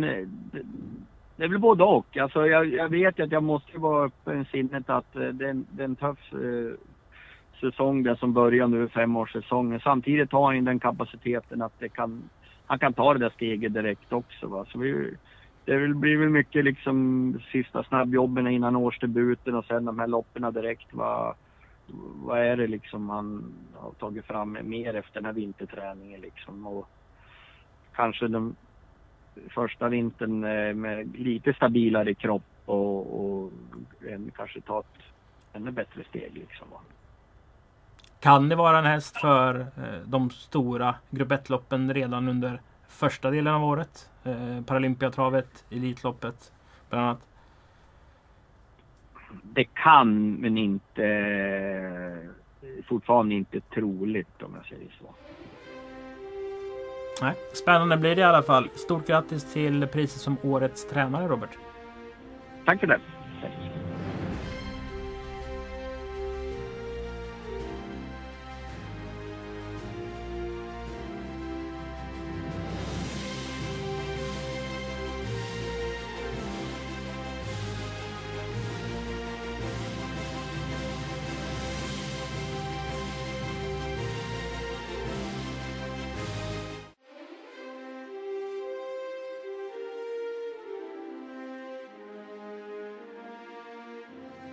Framme i kategorin Årets monterryttare och de nominerade är Ina Au, Jonathan Carré och Elinor Pettersson. Det här är en kategori vi är stolta för eh, kring Åby helt enkelt. Ja absolut och det är ju för att vi har ju haft väldigt bra monterryttare genom alla tider så att, eh, och inget undantag i år. De har ju varit de vi har som vi har nominerade är ju i toppen i Sverige så att eh, det eh, Ja, det känns att det, det är kul att det, det fortsätter vara så på Åby att vi, alltid har producerat fram nya bra monterryttare. Sen är det någon som sagt eh, som kommer till oss också med att de har licensen hos oss. Och om vi börjar med eh, Jonathan Carré så är det ju en ryttare som har kommit relativt nyligen till oss. Han är ju fransman, har rutin från eh, de stora loppen i Frankrike och det sa ju boom, splash, Mm. kaboom när han verkligen eh, börjar rida ordentligt och satsa på det här. Eh, över 1,8 miljoner eh, inridit och, och vad är det 25-26 segrar känns det som. Mm. 26 segrar.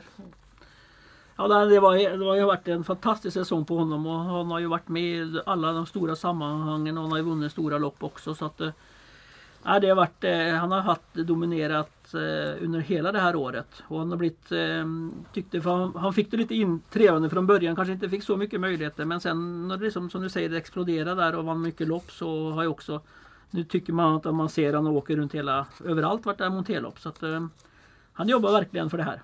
Och man ser ju också hans eh, sits i sadeln. Han är eh, aggressiv och man ser ju att han har rutin i det här. Absolut. Han har klart tuffet med sig från Frankrike där också som är inte så lätt att rida i ett sånt land. Så det, det har han ju med sig. Det tror jag han har mycket nytta av. Och det har ju en annan nominerad, Ina Au, som eh, har ju också haft med sig det här Vincent-tugget sen hon kom tillbaka till, till Sverige och började jobba hos Mikko och pappa Mikko igen. Eh, man ser att hon och Jonathan Carré, de har lite samma stil tycker jag i loppen. De, man märker att det, det, är en lite extra till, till ryttaren än av de två eh, rider rent stilmässigt. Mm. Absolut, hon är ju hon är, ja, så jävla grymt imponerad av henne. att man den lilla tjejen som kan rida sådana tuffa, stora, tunga hästar som man vet de är och eh, gör det på sådant fantastiskt imponerande sätt. Alltså det, det är eh, jätteimponerande och vunnit nästan 23 procent av sina lopp i år. Eh, och i hög konkurrens och varit med i de stora loppen också. Så att, det är klart hon, det är svårt att ranka dem inom Sverige och sånt där men det är klart jag tycker nästan att hon var topp tre tycker jag i alla fall att hon är i Sverige. Och visst eh, det gick ju extra bra fina på Åby. Hon vann ju Brisis monterryttarserie bland annat. Så hon är ju alltid framme när det är monterlopp på Åby. Ja, hon blev också champion för, för 2020 eh, också. Så att, eh, nej, fantastiskt bra år. Så att hon, hon jobbar vidare. Och den eh, sista nominerade är ju Elinor Pettersson som eh, kanske inte har fått en på nytt födelse Men Elinor har ju nästan varit med sedan man började med Monté känns det som. Hon har varit med i väldigt, väldigt många år. Och eh, hade ett eh, riktigt fint 2020. Ja, det hade hon absolut. Hon vann ju fem lopp och eh, under året och det var ju bara 35 starter. Så bra segerprocent där. Och som du säger Elinor Tycker att eh, hon borde få massor mer chanser för att hon gör sällan, eh, och rider sällan dåliga lopp och eh, alltid med där framme tycker jag. Så att, eh, Ge henne lite mer chansen så kommer hon också att vara mm, i alla fall tvåsiffrigt på segrarna under det här året om hon skulle få chansen. Mm. En riktigt eh, stark grupp monterryttare alltså eh, som är nominerade till årets monterryttare 2020.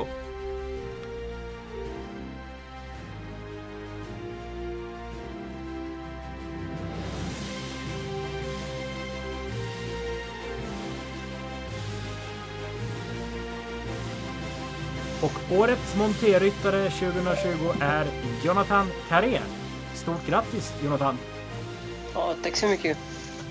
Hur skulle du vilja beskriva ditt eh, år 2020? Um, alors, il dit comment tu veux résumer ton année, Barbara ah, uh, Fantastique, fantastique. Et,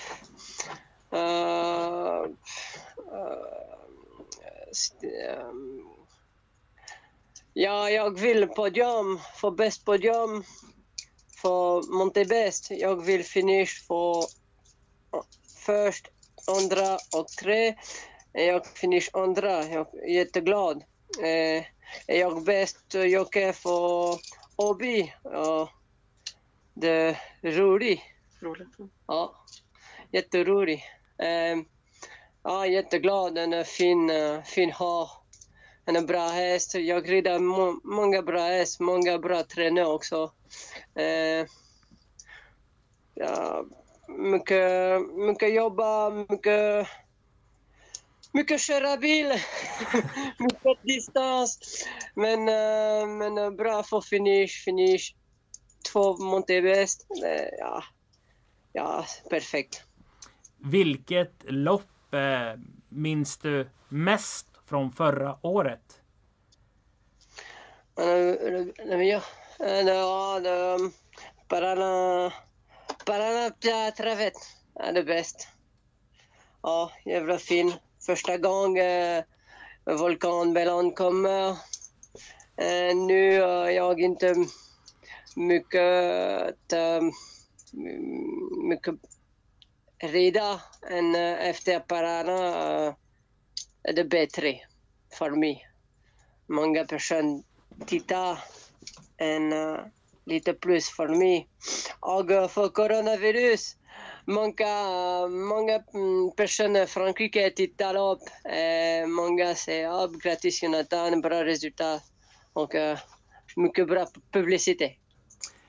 Kommer du fortsätta rida lika mycket som du gjorde 2020 under 2021? För du var ju och red på nästan alla banor som hade monterlopp och du åkte väldigt långt. Du sa att du hade många mil i din bil. Det måste ju kräva enormt mycket från dig.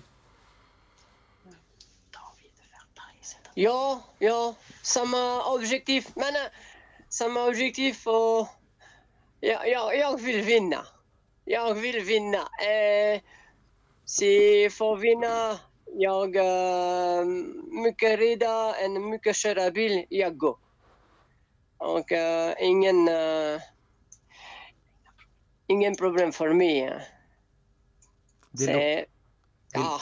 det låter som du verkligen har siktet inställt på att bli nummer ett i Sverige Jonathan. Nu är du alltså nummer ett på Åby. Du har vunnit titeln som årets monterryttare. Stort grattis! Ja, tack så mycket. Tack.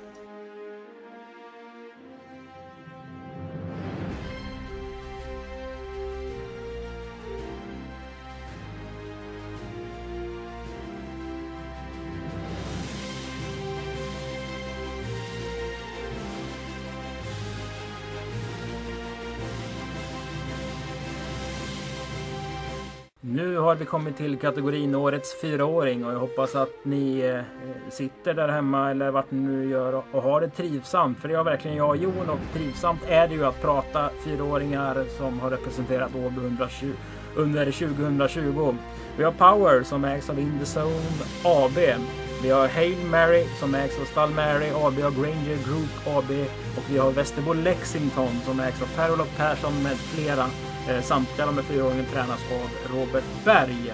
Eh, och jättefina hästar som är nominerade Jon. Men jag vet att du har koll på dem som var nära också. För det är en- bred och fin kull vi har i år. Ja, det är en sjukt bred kull för Robes del. Eh, Önkel Töll som eh, vann ju fem lopp förra året, gjorde många topprestationer. Ready Trophy som gick av och tränade gjorde också flera bra lopp. Eh, Matteo vann ju sex lopp och Lovely OO vann ju fem. Så det var ju väldigt, väldigt många. Mellby Harissa också. Så det, man, det är ju en jätte, jättevass eh, fyraårskulle som vi har här på Åby. Eh, och eh, som sagt, eh, de nominerade var riktigt, riktigt bra. Om vi börjar med Västerbo Lexington då. Eh, som visade lite topptendenser säger jag. För han var ju som bäst när det gällde. Det var ju ett derbyförsök på Jägersro som han vann i bländande stil och kvalificerade sig för finalen. Ja, han var jätteimponerande i försöket. eh, Så det, den var given, helt klart. Eh, Power då. Eh, en häst som man tänker, ja, han borde väl vinna årets fyraåring med segern i Europaderbyt. Han vann ju även samt Ledgers här på nytt världsrekord var det väl. Och han kvalade även in till derbyt. Vad säger du om Power? Ja, helt sjukt fantastisk. Och, och det är lätt att så prata. Vi vet att vi har ju Hail Mary kvar att prata om också. Och eh, normalt sett så hade det inte varit någon i närheten av en power. Normalt sett det här. Och efter att vinna de här eh, storlopparna under året. Det är jätteimponerande alltså. Så eh, det, det, här, det här säger ju lite grann om den här kullen helt enkelt. Och den sista nominerade är ju Hail Mary som på 14 starter vann 12 av dessa och tjänade nästan 6,9 miljoner. Ja, eh, som sagt, det går inte att säga så mycket mer om det här eh, och det sättet han vann derbyt på också. Det, det är ju länge sedan man sett man vinner derby på det här sättet. Då fick man lite Maradja-känsla eller någon lite sån typ av känsla. Eh, och att en helt, vinner, vinner 12 av 14 starter. Det, jag tror han borde väl vara en av Sveriges vinstrikaste om jag inte tar helt fel av det. Så att, eh, och i en fyraårssäsong också. Så att eh, nej, det, det är bara superrelativer om hela kullen och speciellt Hail Mary också. Mm. Ett häftigt intryck på Hail Mary var väl kanske när han verkligen mötte de bästa. Eh, för första gången i alla fall som jag upplevde det var på Solvalla var Margaretas unge. Sedan man på 11 och 4 man tycker hästen rör sig så klumpigt lite som man springer med pjäxor men det går ju undan eh, alltså. Ja, det, det, det, det, det skulle vara kul att sitta bakom han. Man får fråga, kanske man skulle få känna på honom en gång. Det skulle vara jävla häftigt i alla fall. Du får ta ut licensen och sikta på upp till bevis. Ja, precis. De nominerade till årets fyraåringar alltså Hail Mary, Power och Västerbo Lexington.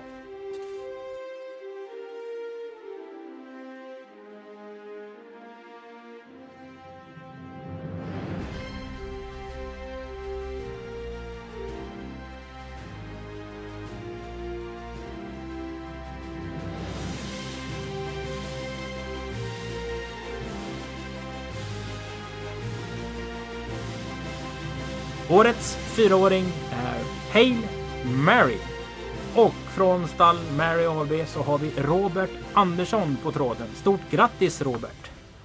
Tack, tack. Jättetack. Eh, vi är jättetacksamma över den här uh, ja, utmärkelsen. Så att vi, ja, jätte, jätte, vi är verkligen rörda. Tycker att det är jättetrevligt. Och eh, prata Hail Mary, det är ju någonting som är angenämt. Det är många som gör det. Det är ju verkligen hela Travsveriges fyr, fyraåring om man ser till säsongen 2020. Men om vi börjar med eh, er förväntning och er, er, eh, era drömmar. Ni gick in i säsongen. Ni hade en väldigt talangfull treåring som inte riktigt hade mött de bästa än. Hur gick snacket där i, i ägarkonstellationen? Alltså vi visste ju inte när man började med och gjorde lopp och galopperade där i försöken där till, till på Solvalla och, och, och, då var han ju bara lite över två. Och då kände vi, och då var han ju ungefär som Power. Och då tänkte man ju liksom att nej, nej men han är nog inte mogen. Och då vart vi lite, lite besvikna vart vi ju. Eh, men, men sen så ja, tänkte vi, han gjorde det bra i alla fall. Han gick ut ifrån döden så ja, vi, vi, vi, var nöjda, vi var nöjda ändå. Sen har vi liksom, sen har han själv skruvat upp eh, förväntningarna till oss så att säga. Vi har ju inte direkt haft några förväntningar sådär. Då har han gjort så bra åt oss som man säger. Hur eh, skapades gänget kring Hail Mary? Vilka är Stall Mary? Det, det är först från början var det jag och Meddi som eh, var med på en annan häst eh, hos en annan kompis som hade hos Robert. Och sen så eh, efter det så träffade jag och eh, Meddi Robert på stallmästargården och då skulle vi träffas där och köpa från början en häst men eh, han hade två hästar då det var ju den Fugazi Mary och Hail Mary, men de hette annat då. Och vi döpte om dem efter. Men då, ja Fugazi har ju dött då, men så att säga, vi köpte, vi kunde inte välja så vi köpte båda helt enkelt. Och på den vägen är det. Sen har vi, uh, gjorde vi en satsning och tog in två gubbar till och så har vi liksom bara har rullat på och varit jätteroligt så här, så här långt. Om vi ska mm, ta ett minne från Hail Marys fyraåringssäsong så förstår jag nog vilken dag vi hamnar på. Berätta om, om derbysegern och, och eh, den upplevelsen Robert. Det var ju, vi åkte ju upp till, eh, vi visste ju inte själva om det skulle, man kunde se den och så vidare. Vi förstod att på något sätt ville vi ju se det. Så vi åkte upp till eh, eh Jägersro, eh, ett, ett hotell utanför Jägersro kan man säga. Och där uppe och såg allting därifrån. Och hela dagen. Vi åkte ju dagen innan så vi skruvade ju upp och så var bara bra och vi pratade och pratade och pratade. Du vet man vänder ju på femöringar och allting och pratar om allt möjliga till, tillfällen och allt möjligt. Så att det var ju liksom ett, ett rundsnack av allting. Så att det, vi var väldigt nervösa när loppet skulle gå igång. Vi tog in en, en vända och några stänkare för att vi, vi var lite nervösa kan jag säga. Och sen då den här känslan och glädjen när loppet är över och hästen är först med mållinjen. Beskriv den. Alltså, det är ju nu så här, man inte förstår att, att den känslan kommer. Den kommer bara och sen bara rusar det. Det blir som ett rus, gå, blandning, gåshud och alla möjliga eh, känslor som kommer på en gång. Det är jättesvårt att, att tala om, för det är en känsla man aldrig har känt förut. Det är, och det är en gemenskap såklart. Eh, så ja. Ja, hur, hur är det här att dela den här glädjen i, i det här gänget som känns väldigt tajt och, och verkligen seriöst? För det är ju inte eh, två hästar ni har nu eh, hos Robert Berg. Det, det, är väl nästan ett tiotal och någon hos någon annan tränare också. Ni satsar ju stenhårt på travsporten. Ja, Det är ju mest med, med är ju den drivande i vår grupp. Och han är ju med, den som är med på allt och är, och är talesman egentligen med Robert och är mera så. Vi kan ju inte ha allihopa prata så, så blir det en jävla röra. Så att det, det är lite grann så. så att vi, vi är ju med allihopa och han förmedlar oss vad som händer och lite grann så. Och vi ringer upp också. Jag ringer upp Robert och pratar lite grann. Vi åker upp till stallet och träffar dem och, och, och sådär och försöker ha en god insyn på så, så gott det går i och med att vi har ju egna jobb också så att säga. Så nej, absolut, vi, vi, vi gör det här så mycket gemensamt det går så att säga. Sen har vi ett gäng runt omkring som också tycker att det är roligt att följa med så att säga. Så det har verkligen blivit en social grej det här också. Och inte bara att man har en bra häst som, som nästan tjänade 6,9 miljoner förra året. Utan det är så mycket annat som det, som det låter på dig. Ja, absolut. Vi, vi, vi försöker göra, vi går in på, tar in på hotell innan där de ska vara och de kommer ju dagen innan. Så vi, vi är lite förberedda sådär och snackar ihop oss och, och, och, och är väldigt pirriga och, och tittar på gamla filmer och lite klipp och lite sådär. Så att det, ja, det, det är undan och, och, och ja, det är många som tycker och, och tycker att det är jätteroligt också. Så att, eh, En sån där Eh, fråga då. ja. När man vinner derbyt får man ju en gul kavaj. Men hur många kavajer har ni fått uppsydda egentligen? Eh, ja, vi, vi åkte in och så har vi provat upp kavajerna. Jag tror inte kavajerna har kommit riktigt ännu. Vi har ju eh, varit inne och skräddar och skickat ner måtten och allt sådär. Men vi, vi beställde fyra kavajer faktiskt. Men eh, jag vet faktiskt inte om de är... Eh, om det var... Meddi talade om för mig häromdagen att det var några, något som hade hänt med kommunikationerna med måtten där. Så att vi skulle tydligen komplettera med lite mått. Men ja, jag, jag har inte riktigt koll på det. Men eh, de är på gång i alla fall. Det är i alla fall ett härligt minne som jag förstår. Ja, en vårjacka framför allt. Eh, Robert, vi säger stort grattis till eh, utmärkelsen Årets fyraåring med Hail Mary. Ja, tack så mycket. Tack så hemskt mycket. Jättebra. Så klipper vi till där och sen så går vi till Årets eh, häst. Och då kan vi snacka kanske lite om eh, vilka lopp du drömmer om. kan väl vara en bra grej. Vadå, lopp jag drömmer om? Ja. Eh, Men, men vi, vi, vi, vi väntar lite så börjar vi en gång till bara. Eh, Ja. Och årets häst är Hail Mary. Och eh, Hail Mary ägs av Stall Mary och Granger Group AB. Jörgen Sjunnesson och Holger Gustafsson är uppfödare. Robert Berg är hästens tränare. Charlotte Andersson är hästens skötare. Och med på telefon är hästens ägare. En av flera, Robert Andersson. Grattis till utmärkelsen Årets häst, Robert. Tack så mycket, tack så mycket. Hail Mary som alltså har vunnit 17 av 20 lopp i karriären, tjänat över 7 miljoner kronor. Det är kanske den hästen som flest människor i Norden skulle vilja äga och den äger du inför 2021. Hur känns det Robert?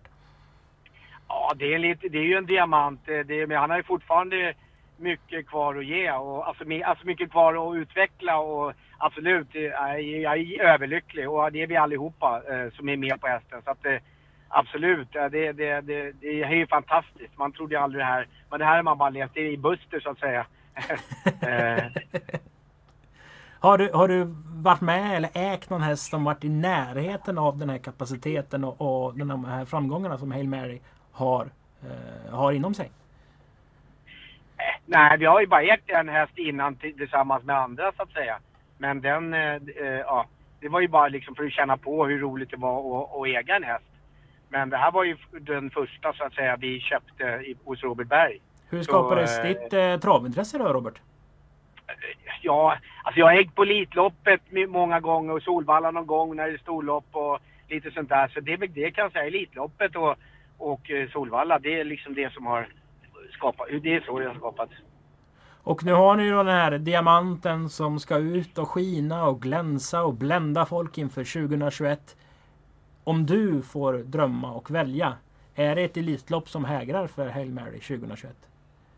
Ja, det är väl det vi har börjat prata om lite grann. Han Har ju börjat sin försäsongsträning nu och med backe och, och rumbana och så vidare. Så att absolut så, så eh, men det får ju sagt, sagt Robert Berg börja och- välja och sen även de som eh, eh, väljer ut hästarna. Men eh, som sagt, det är klart, det är någon liten dröm vi har såklart. Eh, så får han vara frisk och, och, och, och träna bra och så, då, så är det absolut en dröm.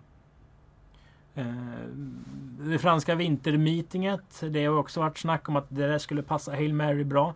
Eh, har man redan börjat snegla på ett Prix d'Amérique 2022 när du ligger och njuter av någon god dryck på en lördagkväll och, och drömmer dig bort? Alltså vad fan, drömmar gör man. Det, är ju, det, är ju inte, det kan man inte säga någonting om. Det, det, fan, det, det, det, är ju det är fantastiskt att drömma och tänka men det skulle vara någon, äh, det skulle vara obeskrivligt. Jag, jag, alltså, det gäller ju att han får vara frisk också så det, det är ju det. Så att, eh, han har ju matchat sparsamt hela vägen ända fram till nu. Så att eh, ja, det är som sagt det är Robert som får bestämma. Så det är han som, som eh, känner och, och eh, ja, känner av och tycker. Absolut. Robert, vi tackar dig för eh, att du tog dig tid och eh, stort grattis till utmärkelsen Årets häst och till er Hail Mary. Ja, tack så mycket. De andra hälsar också så gott. Robban från Stall Mary AB och Granger Group där alltså. Hail Mary, årets häst hörde ni där. Stall Mary och Granger Group blev också årets hästägare. Givetvis med Hail Mary som det stora loket, hans fantastiska derbyseger och även seger i British Crown. Med det så har vi gått igenom samt, samtliga kategorier och pristagare på Åbys travgala 2020. Jag tackar så mycket för att ni har lyssnat och stort tack till alla inom eh, sporten och branschen. Allt ifrån hästskötare, uppfödare, hästägare, våra funktionärer och allt och alla som har gjort så mycket för att vi har kunnat tävla på under 2020 och ändå kunnat se de här fantastiska prestationerna från våra fyrbenta och tvåbenta vänner och profiler. Stort tack för att ni har lyssnat på Åbys travgala 2020.